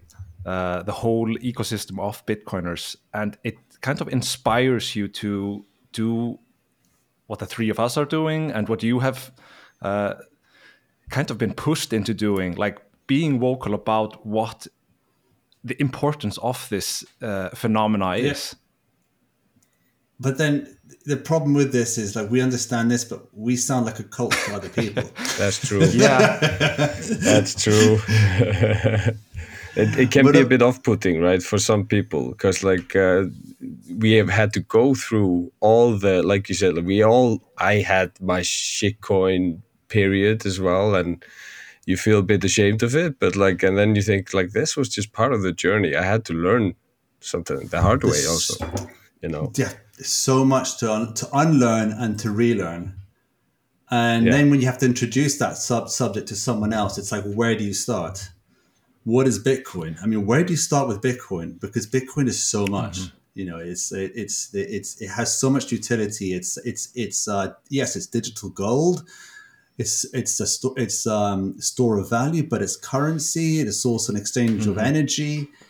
It's also a, a, a pure property right as well. I mean, where do you start with that? It's a base layer of money. It has ability for building on on on on on top of the the base layer. There's some there's just endless opportunities with Bitcoin. So when you when you try and unpack this unpack this to, to, to the poor to the poor indoctrinated soul, where do you start with that?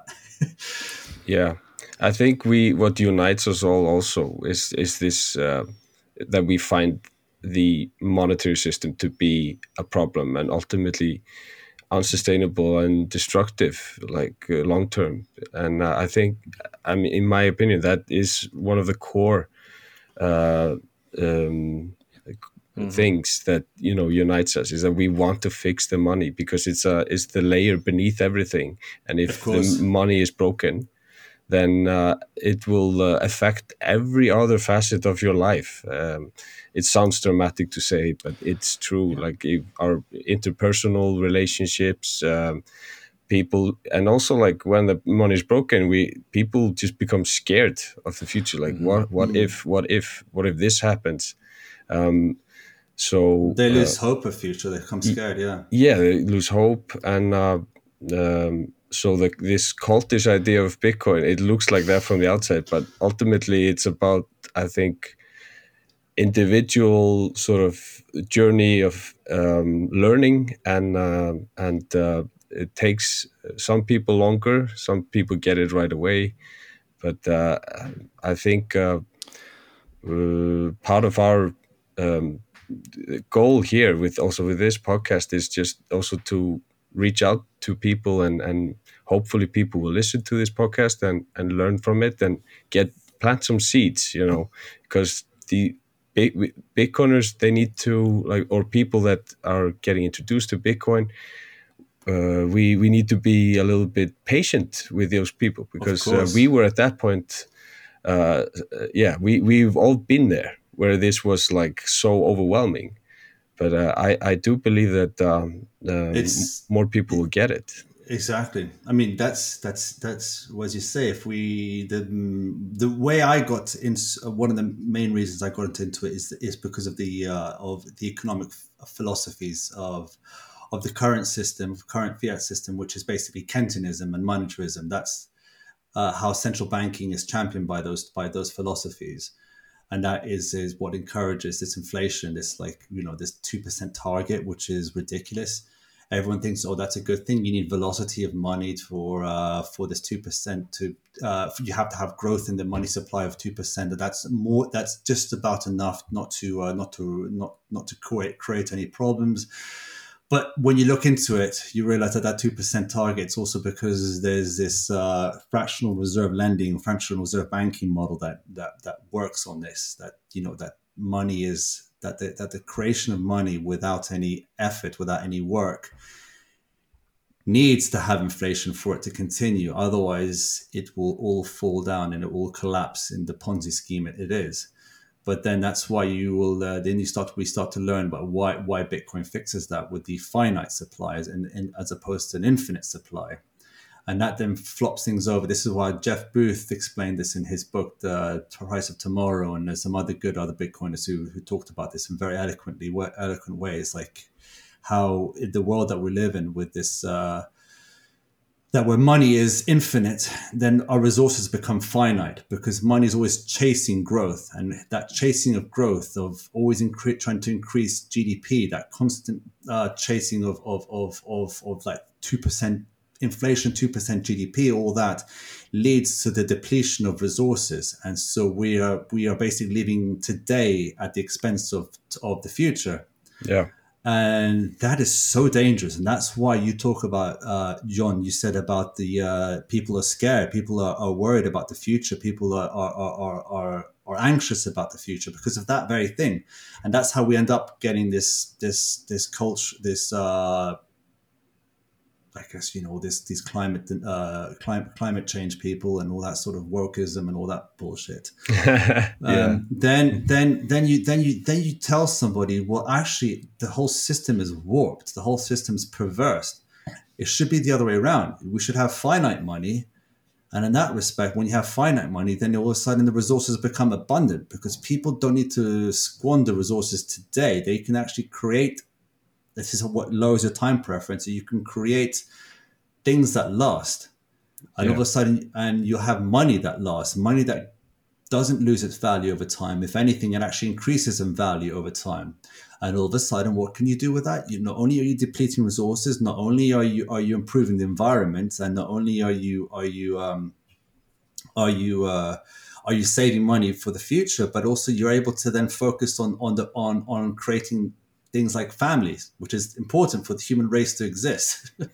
you're able then to, to once you're stable, you and, and, you have and you've saved, you're able to then actually do uh, go about other good um, um, economic adventures and actually start investing in, in other projects that create a similar a similar um, um outcomes. So there's like this positive feedback loop, loop that happens through a deflationary economy. Through and this is what we're taught. The Keynesianism, the indoctrination teaches us that the deflation economy is bad for the environment for, for for for society to move forward because we all end up being hoarders, and that increases inequality. That could not be further from the truth.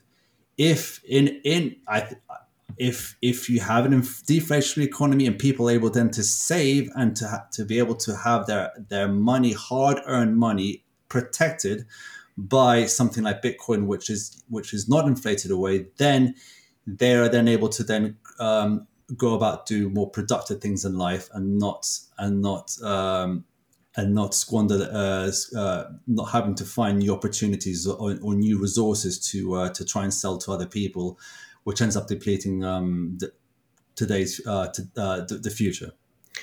Yeah, I'm, I'm I'm reminded because you mentioned Jeff Booth. We had him on uh, on, on, on our podcast, and uh, oh, great! Yeah, and uh, he talked about abundance in money creates scarcity everywhere else. Scarcity in money creates abundance. Correct. So yes. I think that summarizes it pretty well. It's uh, beautiful that it's, it's a beautiful. It's so, it's so true, and uh, but it's uh, the problem is with this uh, uh, monetary system we have here that we cannot fix from within. It's impossible to fix the system within the system. Um, you know, um, we need the transition over. Jeff Booth called it the bridge, you know, over to The Bitcoin. bridge, yeah. Uh, you know, we have to help people over this bridge, and, And- uh, this transitionary period will be bumpy and painful, which we are all expecting it to be. But ultimately, this uh, current system we have is unsustainable and will will collapse at some point.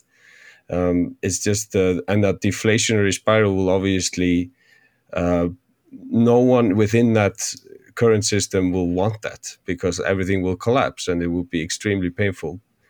Um, but it's going to happen anyway. But I they're believe. doing their best to not try to make a collapse and try to make these soft landings. But in doing that, they end up printing more money. So the very Yeah. effort of keeping the system alive creates the makes the bubble even bigger. The, eventually, at one point, this bubble will, bubble will have to have a hard landing, a, a, str- a big collapse. But hopefully, by that point, enough people would have realized about Bitcoin, and we can uh, and they'll be able to transition, be protected by that incoming huge crisis. This I don't know if this crisis will happen in, in the next few weeks or in the fe- next few months or next few years, but the size of that bubble is ridiculous. I mean, it's it's unsustainable, and we're and most of society, ninety eight percent of people are going around their lives thinking, "Oh, that's you know whatever. That's just the way things are." Then no, that's that's that's why you know Jeff Booth is right. We have to find these parallel structures of of of uh, these parallel structures of hope and of actual systems that work. And this is what Bitcoin is. And we can connect those, those um, the traditional finance world to the Bitcoin world and make it sort of a more orderly and easier transition for people to uh, to to to um, to transition into into a better, more stable future, which is under a Bitcoin standard. So the necessity to orange pill sure. the world is is great, and you are now working The- with I Jan think- three. Uh, Can you tell us a little bit about how you got into that and how how is it working with Samson Mow and, and talking to these nation states?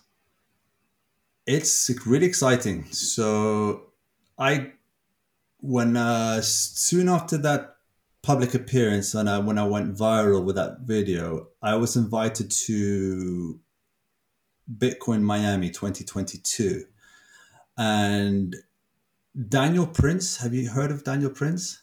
He's another. He's a podcast, a top guy. He took me under his wing. Actually, he was very, very pivotal in my in my transition uh, when I when I came out.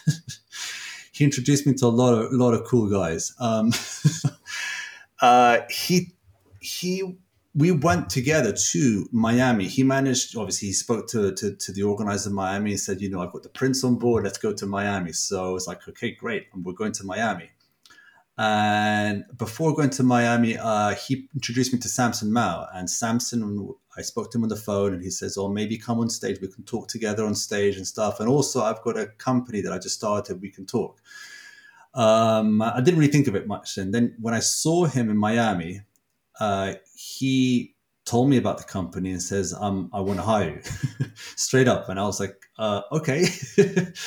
I didn't really think much of, I didn't really give it much thought. I just thought, yes, why not? This is Samson Mow, who, uh, who's offering me a job in his new startup, which is, uh, Jan3, which is a Bitcoin technology company focused on the, on nation state adoption. We are a Bitcoin technologies company focusing on uh, on speeding up the process of hyper Bitcoinization through through spreading the, the the the knowledge and our also our Bitcoin technologies, but spreading the knowledge and and the uh, and the awareness of Bitcoin around the world. And we're approaching nation states. We're approaching politicians, uh, ministers. We're approaching high net worth individuals. We're approaching um, in, influencers, anyone who, who who wants to learn about Bitcoin, who can assist with that top-down approach, because we understand that Bitcoin is a bottom-up approach. That's that's the way it is. Bitcoin is a grassroots approach. It's that as as uh, as Hayek said, it's a sly the sly a sly and roundabout way of of fixing the the the uh, the money, and that sly and roundabout way can only happen through a bottom-up approach. But there has to be some other strategies involved in there, and we have to let the top down, the top people understand that about we have to orange pill them, so it can help transition, and it can they can help the top down, the bottom up to uh, to flourish as well, because Bitcoin's going to happen no matter what. But let's try and make it as we were talking about before. Let's try and make it an, an orderly transition. So let's try and get some of these uh, demo, uh, democracies and um, you know leaders on board as well. And that's where Jan three comes in. Um, so we've spoken to a few a few nations since uh, since the comp- since I joined. Uh, recently, actually, I couldn't go, but recently, Samson and Ben Van Hool, who's our COO, uh, went to Suriname, and they had some very interesting meetings in Suriname. Suriname is a country not many people probably heard of until now. It's a small, uh, small. Yeah, it's a 600,000 A country- population, uh, Yes, a exactly. small state in the South America. In South America, yeah, northern South America, above Brazil, it's 600, as you said, it was uh, a, a former Dutch colony. Um, they they're going through hard times. They've got one of the highest inflation rates in the world, like in, in like 50s or 60 percent a year. It's pretty bad. But there's a minister there, finance minister, who uh, took not sorry, foreign minister, who was there was an introduction to, and we managed to get meetings there. And now, right now, the uh, the the ministry of the, Ministry of Finance is reviewing proposals from us, and who, maybe or not, then there might be there might be some sort of adoption in some form that they might put some Bitcoin on their treasury. They might start allowing it to be used, Bitcoin to be used openly, like in a way like like like um, like like it's like it's done in El Salvador.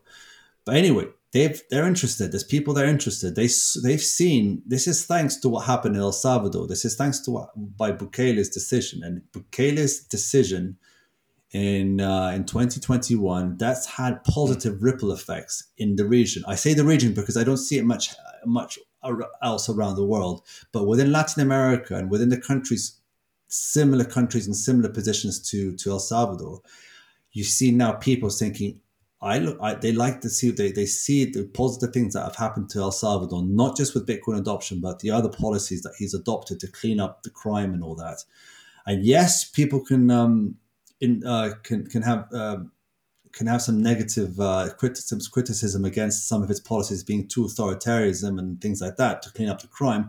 But he was only enacting law, and he actually just in, in, in, turned it into an emergency act that cleaned up, and now now El Salvador has become the safest. The sa- San Salvador, which was the murder capital of the world five six years ago, has now become like the safest city in Latin America, which is mm-hmm. incredible.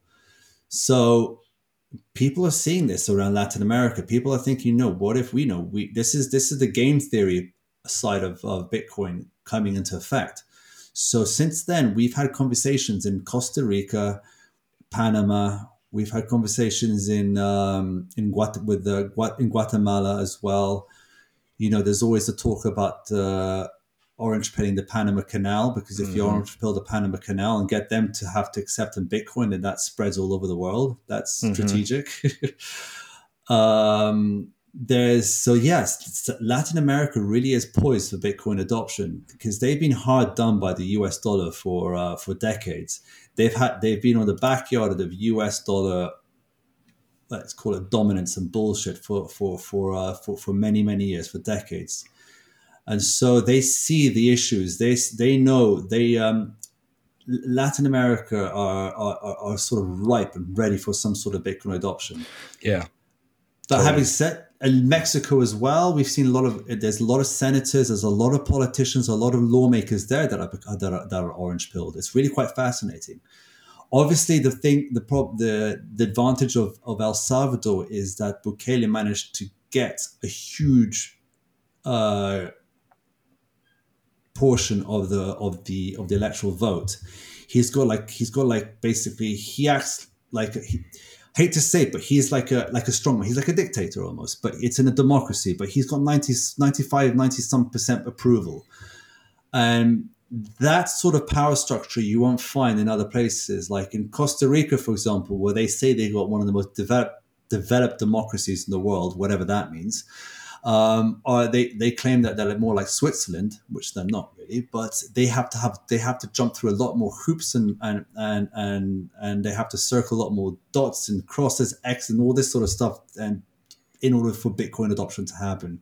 So whether we will see a uh, an El, I don't think we'll see an El Salvador big decision anytime soon, but it's on the cards. It will happen. Um, the processes will be slower, Yeah, who but who knows? knows? Maybe, maybe El Salvador came out Really, of nowhere, and you know, 2024 is exactly. uh, bound to become a crazy year. Um, so who knows what's going to happen? I also saw on I mean- on Jan 3 Twitter that you have been talking to Montenegro, another small state. Yes, so Mon- Mon- Montenegro is an interesting one. Um, the the current prime minister of Montenegro, he's the head of the party. They're pro EU party, sadly, but uh, that's the way it is. He's also, but he's also into crypto. I say crypto because he he's also he is not fully max maximalized yet. Uh, he has ties with Vitalik. Vit- Vital- there's a lot of shitcoining that's happened in, in Montenegro. He was the for- the finance minister during in 2020 when there was a power structure change in Montenegro, and the, the incumbent president lost his. No, the incumbent president lost his lost a lot of his support. He's been in power for thirty some years, uh, Milan Djukanovic, and he no, he remained president, but a new prime minister, Kip, uh, Kiptarov, I always forget his name, came into power, and he was able to form a government, and he chose Mickey, the guy we're speaking about, as as his as his uh, finance minister. And Mickey made some quick decisions to open things up into the crypto space in in um, in Montenegro. So you have a lot of shitcoining happening in Montenegro, which I guess it's, it's it's not it's not a good thing in our perspective, but I guess it's a good thing that he's allowed it to happen. But now that's that's now now now Montenegro has been associated with people like Do Kwon and things like that. So, but then we came in and we spoke to him early this year. Uh, we didn't want to post a, post it until recently, until he formed his government, because he was elected in uh, he was elected in May June this year, but uh, he didn't get a full majority, so he had to create a coalition to form his government, and that only happened in November, I believe. So now we announced it that we met with him in June. We actually filmed part of a documentary that we were doing with HBO with him. He was part. He was he he's he's in that documentary. But now we spoke about a lot of things. We spoke about hydro bonds. We spoke about uh, mining. We spoke about trying to get Bitcoin on their on their reserve, on sorry, on their treasury, and we spoke about uh, Bitcoin style community, a Bitcoin beach, so so to speak. And he was very open and receptive to all of this sort of stuff. But having in mind that he's also very open and receptive to, to a lot of other crypto stuff. But we will put together a nice plan. We will try and meet. We will meet with him again early next year, and we are now. I'm working with some very, very good, gifted uh, Bitcoiners and people who know Montenegro well. People who are solid Bitcoiners who know the energy space and stuff. And we got we got a couple of plans that we're going to work on to to get going to have something concrete to tell Mickey that to uh, to get on board when we see him next. So there's Yeah. that. I mean, that's quite So encouraging. one que- Montenegro, it's Sorry. yeah. No, I say Montenegro is. I mean, it's a small country. We're only talking about uh, again about five six hundred thousand people. Um, but again, it's still a country. There's still and it's also a country. still a country. it's, it's still a country. um, so I'm really excited about what what could happen in Montenegro. That's that's yeah. I mean, there's some other places that we've approached here and there, but at the moment, the two encouraging places I would say that we can I can openly speak about is Montenegro and Suriname. these smaller smaller countries they they uh, things tend to like happen quickly there or quicker because they're smaller right Yes, yes, And- exactly. and i i am often have dreams of iceland you know maybe one day becoming the next uh, bitcoin standard country uh, i don't think it's going to happen but you I mean, we- Iceland's got even smaller population, about 250, no, 300,000 people. 300 what Yeah, between mhm, 80,000 something now like. Yeah, okay, so 400,000, no more, yeah. yeah we haven't even reached we can't even reach half a million i mean you know we, But we, it's it has the potential for for a lot of good Bitcoin adoption there. You guys are 99% Yeah. geothermal there. we have a lot of energy so A lot yeah. of energy, a lot of good good free energy there. So, yeah. Uh, you know, you're- you know, you know I used to work at at Landsbanken. I know. I read it. It Yeah. was kind of funny. I did not know this. Uh-huh. It was 2006 to 2007 around then. Um, wow. I just left university and it was my, my graduate training program happened at Landsbanki. Uh, Landsbanki Wow. and Te- Teather and Greenwood is some, um, it's, it's, it's, it's, it's another company that they had acquired back then. And this is before everything went belly up. Yeah. Uh, this was during the days of Icesave, you know, like your four and a Oh. half percent. Yeah, yeah. When Iceland was levered up to the to the to the max. Yeah, when when they were gonna put terrorist laws on uh, uh, to freeze uh, accounts, they used Yes. like it, it Yes. was it was really funny because the Icelanders like, are we terrorists? uh, no, but it it uh, it was like I remember a lot of people here they were felt really ashamed of, of all of this. And and but people also realized like we didn't do this. This wasn't Iceland like the No, that- population of Iceland that did this. But th- this this financial sector just grew Correct. like a cancer. It just took over. It And- grew like a cancer because they had they didn't have any stops on this on this on this leveraging that they were doing, and they were just were just pumping it more, stretching it as far as they can.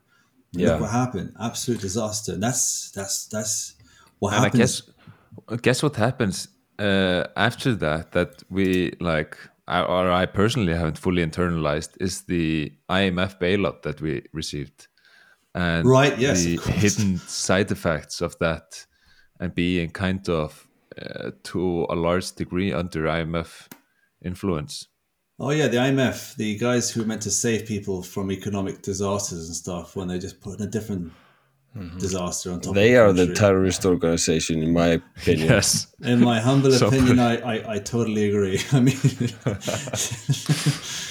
I, this is the problem. This is that's the problem. It's like these, So- these, these three le- three letter organizations they come and take advantage of a situation like that. Oh, but and and and I didn't really realize that. But you know, Iceland being a, a highly developed nation and are under IMF control to some extent for for what happened in two thousand and seven eight. for sure and you can see it like well it's like very obvious in argentina uh, when they were about to uh, they were about to post some law uh, regarding bitcoin Yes, d- don't That- remember exactly how yeah. it was and then the imf just stopped it in its tracks It was something, or was it something lines? We won't, we won't give you a, a loan unless, unless you, unless you make sure to completely ban or not, and not use Bitcoin or any cryptocurrencies or something. Basically, yeah, just yeah yeah, it was something like that just yeah, I, yeah, I think we, we were talking about small countries, but also uh, Latin America or, or South South and Central America. It's likely that those countries will pro- be the first, like you know El Salvador, because they've had, uh, you know, you, the United States has been, you know, has its fingers in, in or involved in in some of these coups that happened, and installments of dictators. Um, I, my girlfriend, she is Brazilian, and uh, the attitude towards uh, their uh, neighbors to the far north is is not very uh, positive because of the history. Like uh, the people that they know um, and also felt the consequences. But then again, you have the other one, which is the IMF and uh, uh, terrorist World Bank. organization. yeah, and World Bank. Um, but they all work the same thing. Um, there's that one story uh, that guy, True. He's a former employee of uh, basically his, his story is called uh, um, Confessions of an Economic Hitman. Ma- Matthew Perkins, Per- per- per- what- John John Perkins. John Yeah. Perkins, John yes, Perkins. yes. Yeah, I read that book too. Yeah. I didn't read the book, but I read. I, I say read. Sorry, I listened to this podcast uh, that he was interviewed, and absolutely fascinating. And that's the model that they that they, they go about doing. That's what the IMF World Bank does. I mean, people I've I, I I sent this podcast around to some people, and they're like, "Oh no, that can't happen." I was like, "Well, no, it, it did. It did happen. Yeah, it Yeah. did happen." and and it's uh, that's the that's how they enslave you. I mean, they use all kinds of methods. And I mean, Exactly. John Perkins was a in quotes economist who was supposed to go there and uh, you know uh, influence them or, or su- suggest all kinds of uh, loans to to build infrastructure and To build infrastructure, to yes. build infrastructure, usually using contractors from the Using United con- States. Yes, exactly. Not to- local contractors. No, Yes. no, no, no. So no. it flows back, you know, Yes. into into uh, their hands, and uh, and the- then when they can't pay back, it's like, okay, now we're gonna put some conditions, you know. And then Uh, conditions, yes, that's it. First, the mo- the money is like a boomerang; it goes over the country and comes back to to, to America. And I mean, it is And, uh, it is this really ties in. yeah. Sorry, uh, but this really ties in with the monarchy ideas and the low time preference because you can really influence a politician who is only going to be there for four, eight years, and really get him to take these loans but of course, on behalf of, course. the whole country, and then he just leaves and. Uh, Of course, Uh, but that's the difference of monarchy and, and, and, and, and democracies is that is the four yeah the four years four five six seven year cycles is that these guys they it while they're in power they'll do anything they can in order to take as much as they can when they can for them for their families for their friends for themselves. And so they're going to maximize their their time being there in destructive ways. And it's, as you said that's that's characteristic of, of most democracies around the world And that's what we've been seeing. We see these kind of dictators take these huge loans and then plunder them yeah. uh, anywhere and everywhere. and then we when leave, peasants have to pay the bill. right the whole exactly nation has to pay the bill. I, if you look at the IMF and how many loans they have out there around the world and who the creditors are as well, it's, it's disgusting. And like even here, take for example Serbia. I think we're like we owe them like either thirty-five or forty-five billion to the IMF. It's ridiculous.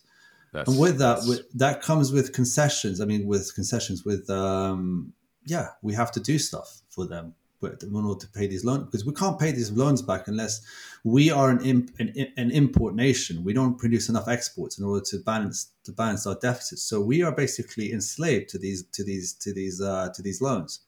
And doing that, we then have then we have to then do what they say tell us, and that things things like maybe rec- uh, recognizing Kosovo and things like that. It's we are we end up becoming slaves to this system, to this that imposed on us. But now we have a way of getting out of it. But the thing is, the politicians, the leaders, don't want that. Don't want that change because while they're in power, they're the ones who who who who um, who distribute these loans, who distribute the the wealth, who who uh, who who are able to to distribute it in their favor, and that's how it works. You know, if there was hard, this is why I think monarchy now has a chance of actually surviving and, and working because the problem is monarchy in the uh, pre pre Bitcoin, pre central banking, is monarchy was was always tied to gold standard, and what gold standard was always going to lead to the fiat to to paper money because that's what you know you that's the one of the inefficiency of gold, as we all know, being Bitcoiners. But maybe for viewers that, that don't understand, is that gold is a heavy. At the end of the day, it's a heavy dumb rock and you in order to store it a lot of it you're going to have to trust a third party and that third party means that that third party maybe are going to start issuing more notes than they are actual gold and then that creates inflation Yeah. uh, so now we have Bitcoin where you can't do that. Now you can't game that system at all. So with a monarchy under a Bitcoin standard has a very good chance of, of being a system that can actually last longer into the future. I mean, the gold always like has to centralize over time, right? Over, because yes. of those, um, um, yeah, things you mentioned. Inefficiencies, yeah. Yeah, and uh, and and I think any of us here would would probably um, be susceptible or be um, should I say uh, be tempted always to you know stretch it a little bit, you know, with uh, money printing, and uh, you know the money printer is very tempting always, and I If think it's human you- nature to human just if yeah. yeah, it's human If nature. If I was close to the money printer, if I was in that position, I probably I would be, you know, using it to the max. yeah well. and I, I, I there's also the realization that you yourself uh, are human and you you will probably behave just like that so this is what's so beautiful about bitcoin is that it it, it like um, brings kind of uh, the best in humans in a way or it like sort of forces you to to be like that of um, course.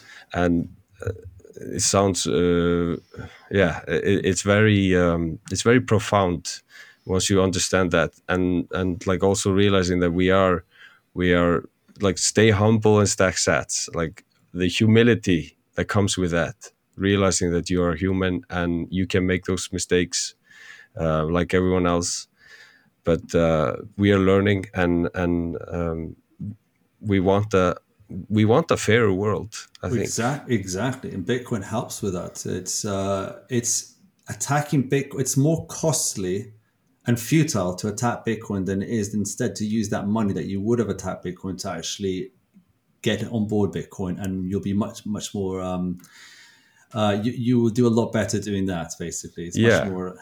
you you sort of uh, you, people are incentivized to uh, Incent- cooperate cooperate Exactly. versus this uh, coercion and manipulation and all of this i think uh, that's uh, at least what i what i take from it in a way Oh, so do I, and I think it's beautiful, and that then adds into the game theory part of it as well. So can i ask you uh, philip um, in serbia how are people um, talking about this like uh, what's the discussion right now in serbia It's Serbia. It's a good question. Serbia has a few different types of people that are uh, on views on Bitcoin. Um, I'll start with the good.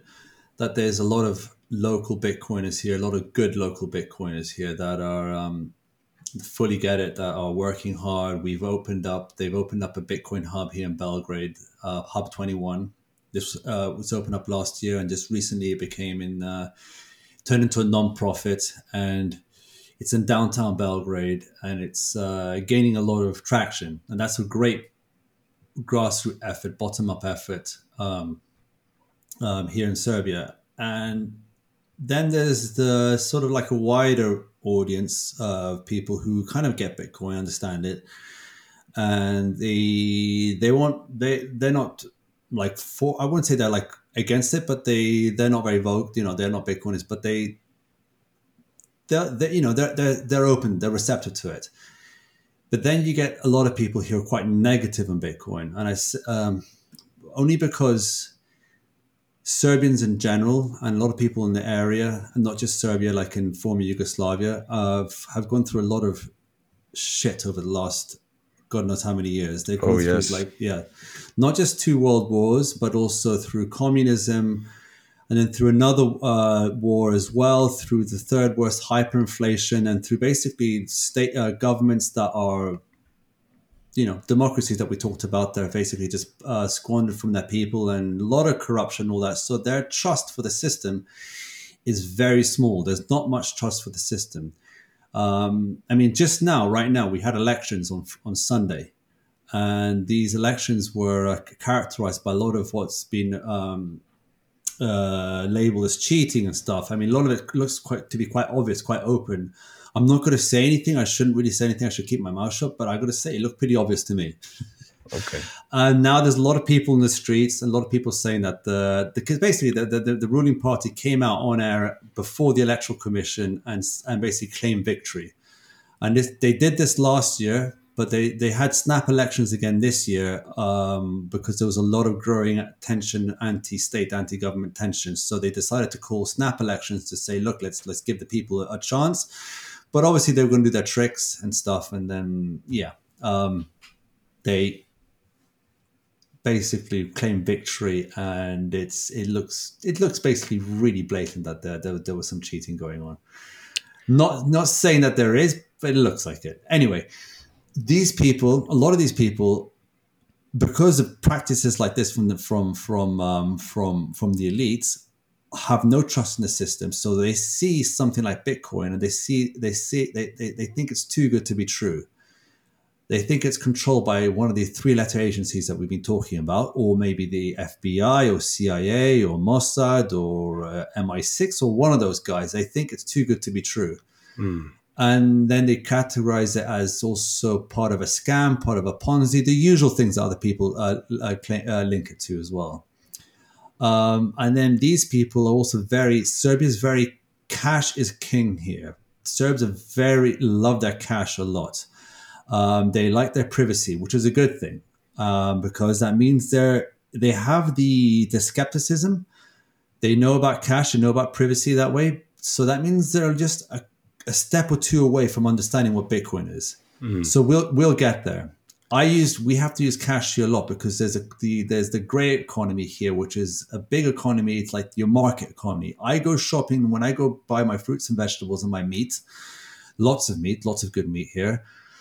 I get it from the market, and I usually hardly pay by card. I always get things by cash, and people only, only want to pay by cash. Like two years ago, the government tried to fiscalize everything and make everything go on uh, onto, onto onto records. So they wanted everything to be to be uh, to be fiscalized so they can tax it.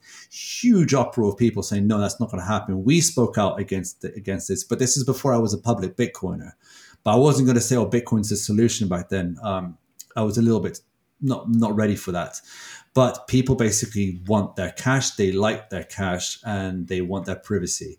So that for for them, Bitcoin is is something diff- other. It's it's it threatens that it threatens them in, in in in that respect. But once they understand that it's actually their on their side and that they can't control it, no one can control it, and it's not even if a government did make Bitcoin. I mean, why would a government decide to create something that would uh, that would end, end up making things fairer? Why would something to end up destroying central banks? To end up being make, making people freer? It's, it's just just goes. It's just they haven't thought it through yet. So whenever I post anything on Bit on Twitter, like anything Bitcoin related, you'll see a lot of people uh, showing their uh, their anger and dis and discontent towards Bitcoin, and like, a lot of people say that the prince has gone crazy or something like that. I, I find this fascinating because uh, you know uh, I always found the Balkans and uh, Serbia from Yugoslavia, uh, Central Europe, and countries that had communism. The skepticism that uh, is in, in, installed almost in people from from being hurt and burned throughout centuries. I mean, like you were mentioning earlier, your family um, the fight against uh, tyranny and against the Ottomans. Um, you sort of Central Europe and the Balkans has been the entry into Europe. You know, like and It's uh, the yes, a causeway between east and west. yeah, and and uh, I have a feeling that uh, Serbs are quite passionate, uh, hot-blooded in a way, but um, and also skeptical in the right way. Yes. You you you don't bullshit. Uh, people in Eastern Europe, I find. It's just Well- like they have a certain bullshit filter in many ways, of course. and um, which is uh, which is good, but it can come off sometimes a bit harsh. But there's a reason for it, I think, and I, I think it's from just having felt it on your skin, like the how things bad things can get, and um, um, we haven't felt that here in Iceland because we are an island in the uh, North Atlantic, where th- there are some perks to being an island. Um, and I say this because I studied actually. I'm a doctor. I studied in Hungary, Debrecen.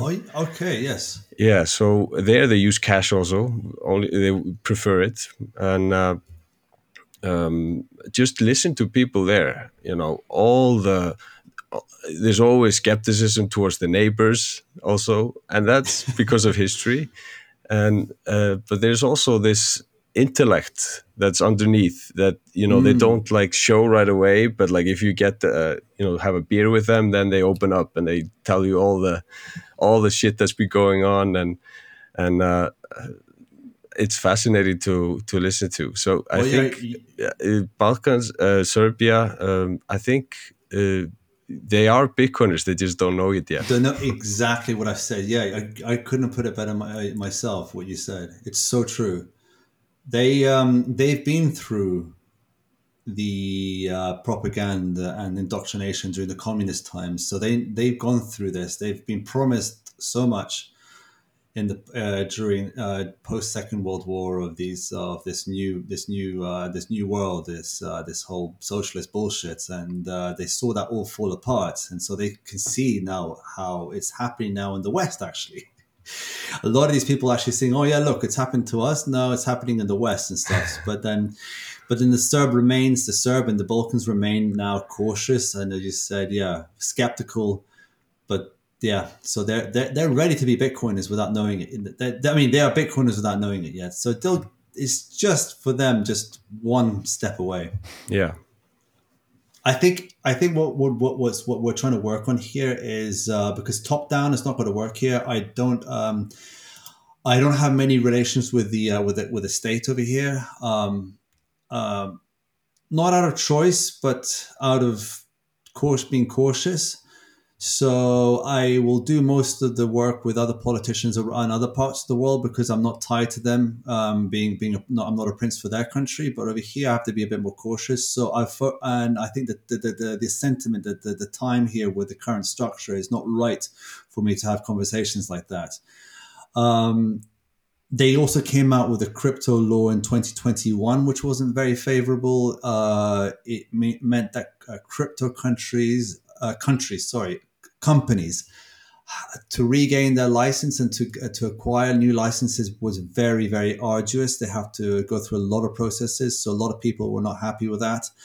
And they also add capital gains tax to, to exchanging back into fiat, the whole typical stuff. So it wasn't very advantageous. They're not make, they're not giving the crypto industry much of a chance here and which they can because this is what I've uh, argued over here is that Serbia and the region have a very good mindset of uh, of technological people. We have, we're very gifted in mathematics, physics, sciences, and all that.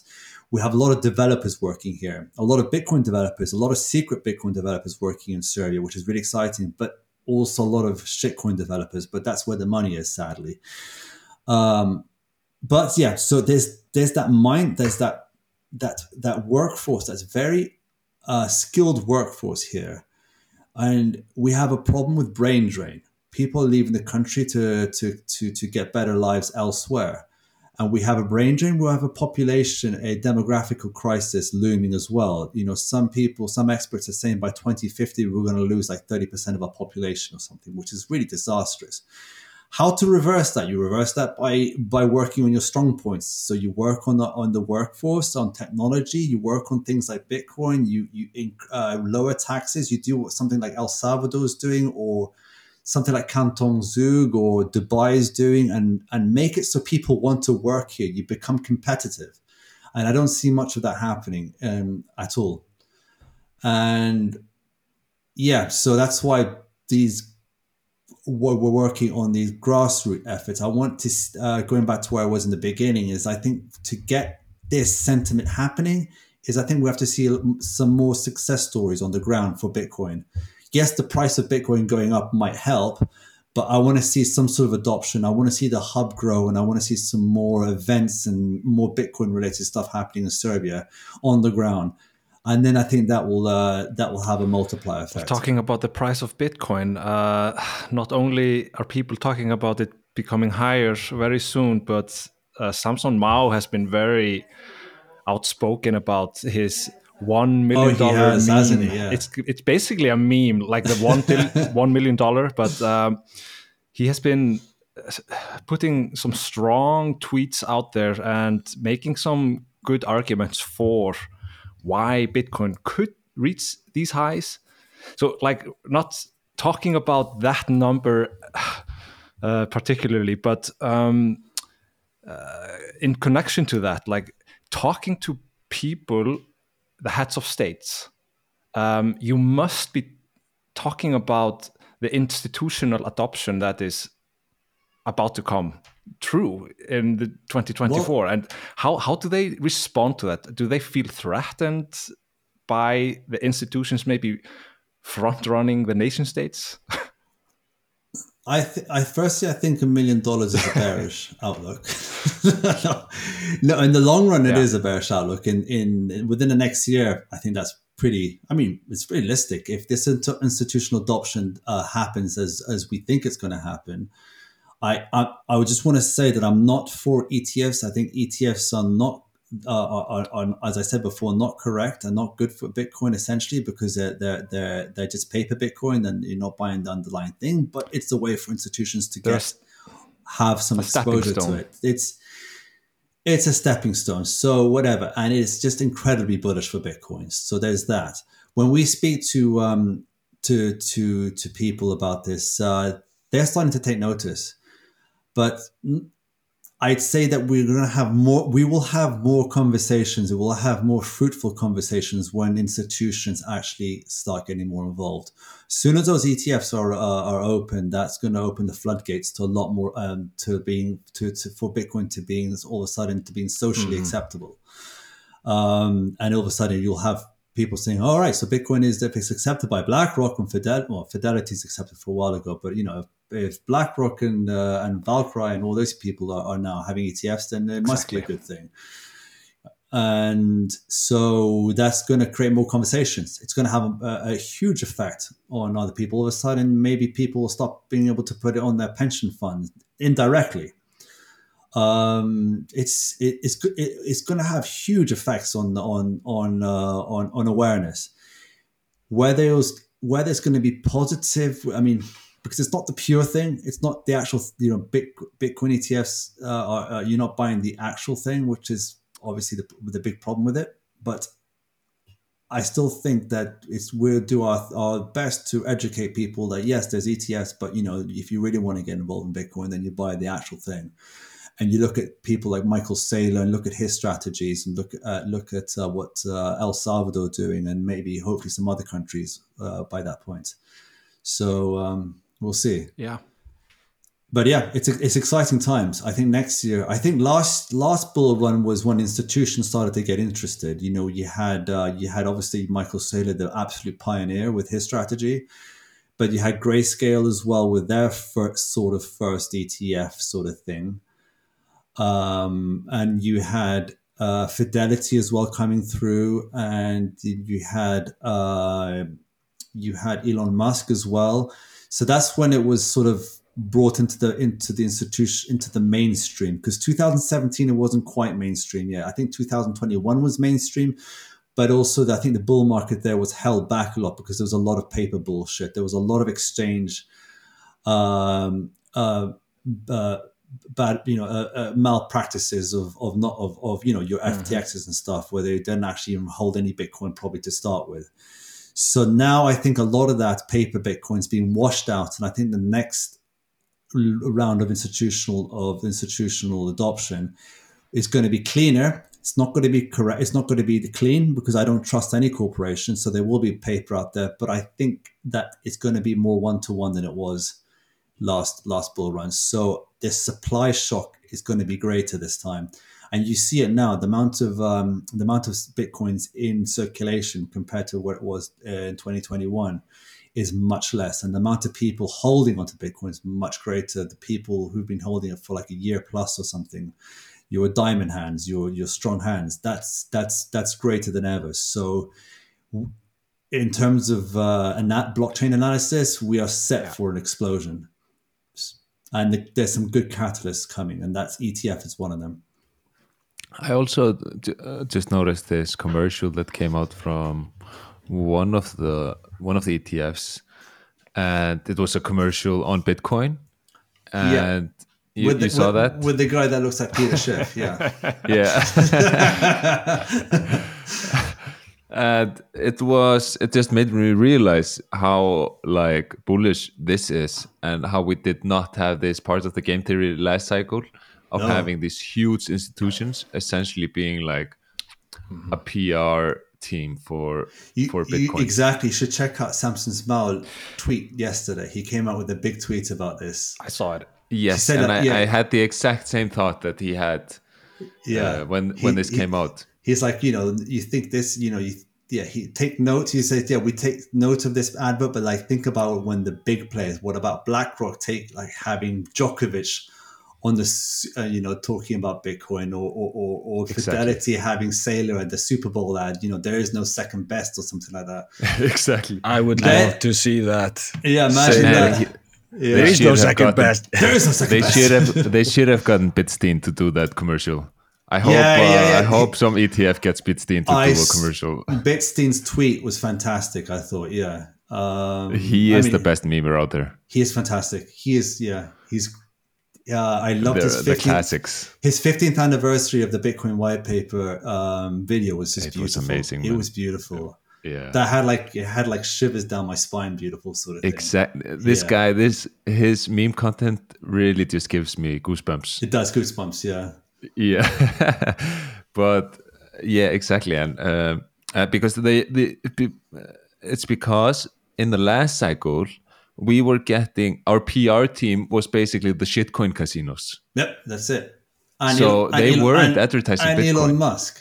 Yeah. And whenever Elon Musk Elon opened Musk. his mouth, either the Bitcoin went up or down, and then he then said some stupid things like, "Oh yeah, well, it's not good for ESG."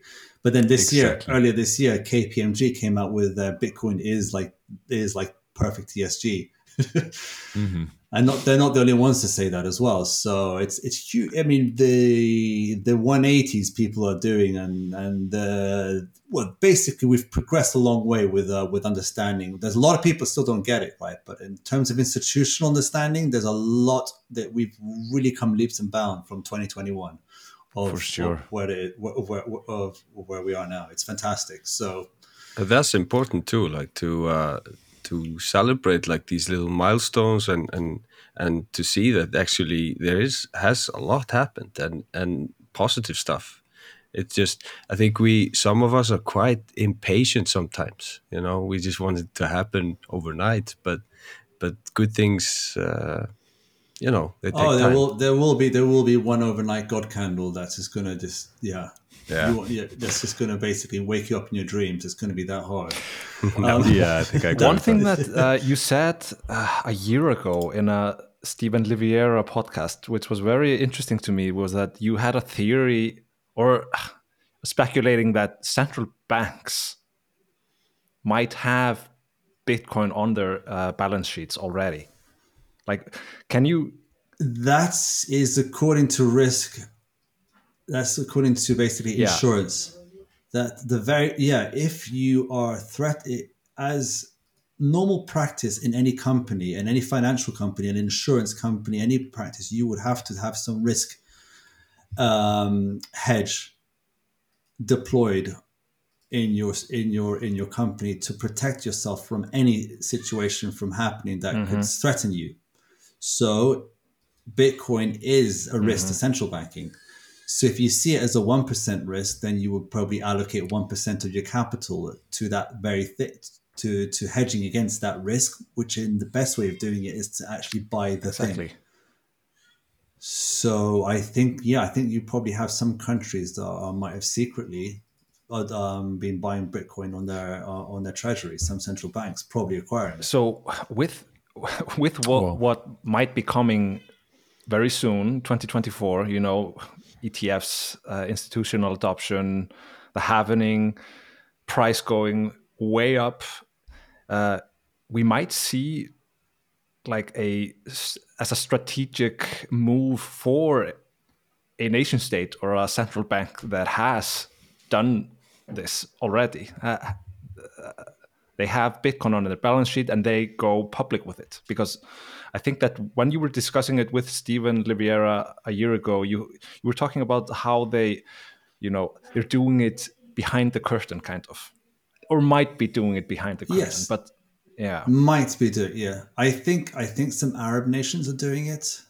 I think they understand. I think uh, I think Russia's doing it. I think that's already open. Uh, I think some countries are def. I mean, you get the feeling that they You also have. Bhutan, right? Bhutan as well has been doing it. They've been mining it. Mm-hmm. You have um, um, the kingdom of, uh, of of Bahrain. Is it Bahrain or Oman? Forget which one. That's Yeah, I think it's now Bahrain, yeah. Bahrain, who have now invested like a billion or two dollars into Bitcoin mining. That's Mm-hmm. giving their energy rich uh, um, resources. It's it's it's like the stupid thing if you don't. If you are rich in energy, Exactly. or if you want to improve your energy situation, then what do you do? You have to you have to get that one thing that makes finding energy and making it energy more affordable work for you, and that's Bitcoin. Bitcoin is going to change the- change the is an energy revolution as well. So I think Bitcoin adoption is going to happen. A lot of it's through actual energy projects, and that's one thing that I'm we're looking at when we uh, as well when we when we try and um, and Orange Pill nation states is looking at their energy structure, their their energy mix, and that's one way of looking at looking at uh, Montenegro. I mean, Montenegro, for example, they've uh, they they were baseload coal, coal baseload about seventy five to eighty five percent baseload, and coal is a very good baseload. But yes, it's dirty. But then, because of their EU prospects, they uh, they had to reduce that. Now they're about forty percent baseload coal, and then they're in a mix of of, of weak hydro, um, solar and wind and apparently it's a bit of a disaster because those weak hydro okay if it's weak it doesn't create very good base load but hydro and no sorry uh, solar and wind as base load absolutely disasters so their energy mix right now is is very uh, very poor according to some some some guys i'm speaking to. Uh, but if you introduce bitcoin to this and and in, and then maybe stop doing some micro hydro projects and maybe even start looking into that maybe some sort of geothermal um, uh, opportunities as well, which the Balkans is is is has a lot of. Not as not as accessible as Iceland. It's not just below our surface, but it's quite deep. But with the right investment, if you couple Bitcoin mining to a geothermal project that's starting, you can help it reach its goal in much quicker because obviously you'll be you'll be you'll be getting revenue much quicker. It just requires an initial first investment of capital to drill about three or four or five holes to find that right sweet spot. But once you do that, then it's free energy. Um, then yeah. So going back, so yeah, so uh, so energy, energy, and uh, energy is a big is going to be a big player when it comes to, uh, to, to to to to nation state adoption because that's really what runs the whole economy. Energy is the most important sector. Also, just for to you know manage the utility and and uh, balance the grid, I think uh, Bitcoin can help a lot. That's it. Sorry, I was meant to say that. That's what the what we're trying. Yeah, that's what we're trying to uh, push for in, in Montenegro. Wow, Philip, you have been with us, generous with your time. Yes. It's my pleasure. at 90 minutes. So uh, I'd just like to thank you very much for coming on. This chat has been uh, very, very fun and a great talk. It's been a lot of fun for me too. Really, uh, I like. I was speaking to my my, my friend, and he uh, always talking about going to, to, to, to Iceland one of these days. Maybe we can have like a Bitcoin conference in Iceland one day or one thing. That would be great. That would be amazing. Oh yes, please. and then Let's set it up. set up meetings and uh, then also try and uh, try and orange pill some politicians there. I don't know the current I don't know the current uh, political structure there, but I think the fact that Iceland is number one, not part of the EU, and number two, an island, an island in that way, it's small, and number three, energy rich, clean energy rich as well, abundantly rich. Then it's it's a no brainer. I mean, it's a no brainer for any country, but in Iceland's situation, they've got a lot going for them for Bitcoin adoption. Yeah, that's for sure true. Uh, and also they've got some pretty uh, let's call it some pretty uh, based people icelandic people are strong hardy people so you know they uh they they'll get they get it they'll get it We will get We'll it. get it. And I, we are I trying agree. to do that. We, we will We're get it. to spread the Yeah. masses here. independent people that's the independent people because of the fishing and all that so you've got some good independent thinkers their minds over there so yeah i think iceland's really got it all what it takes just requires a few little catalysts a few little pushes here and there but it'll happen well, I hope you're right. And I hope we can make that happen. And anything I can do to help it, make it happen, just let us know. Let me you, know. Philip. Thank you. Thank you very much. Thank you and uh, ciao. See you. See you guys.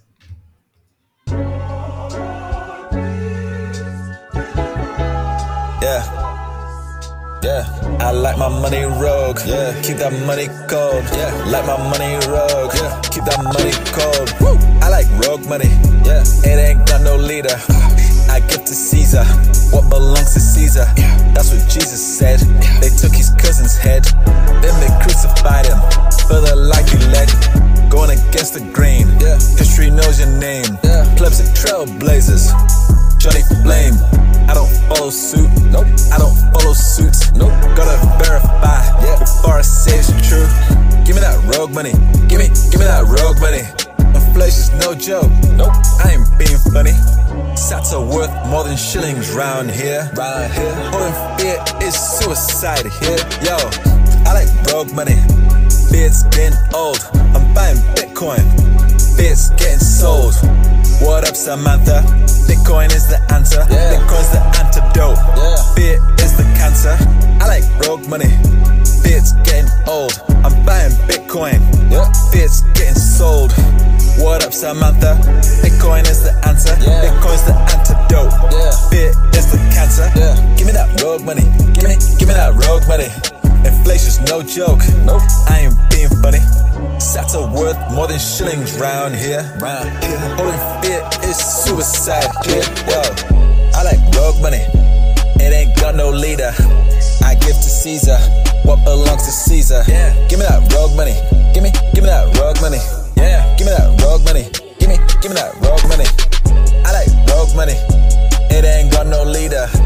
I give to Caesar. Yeah. What belongs to Caesar. Give me that rogue money. Give me, give me that rogue money. Give me that. Give me that rogue money. Give me, give me that rogue money. Give me that. I like rogue money.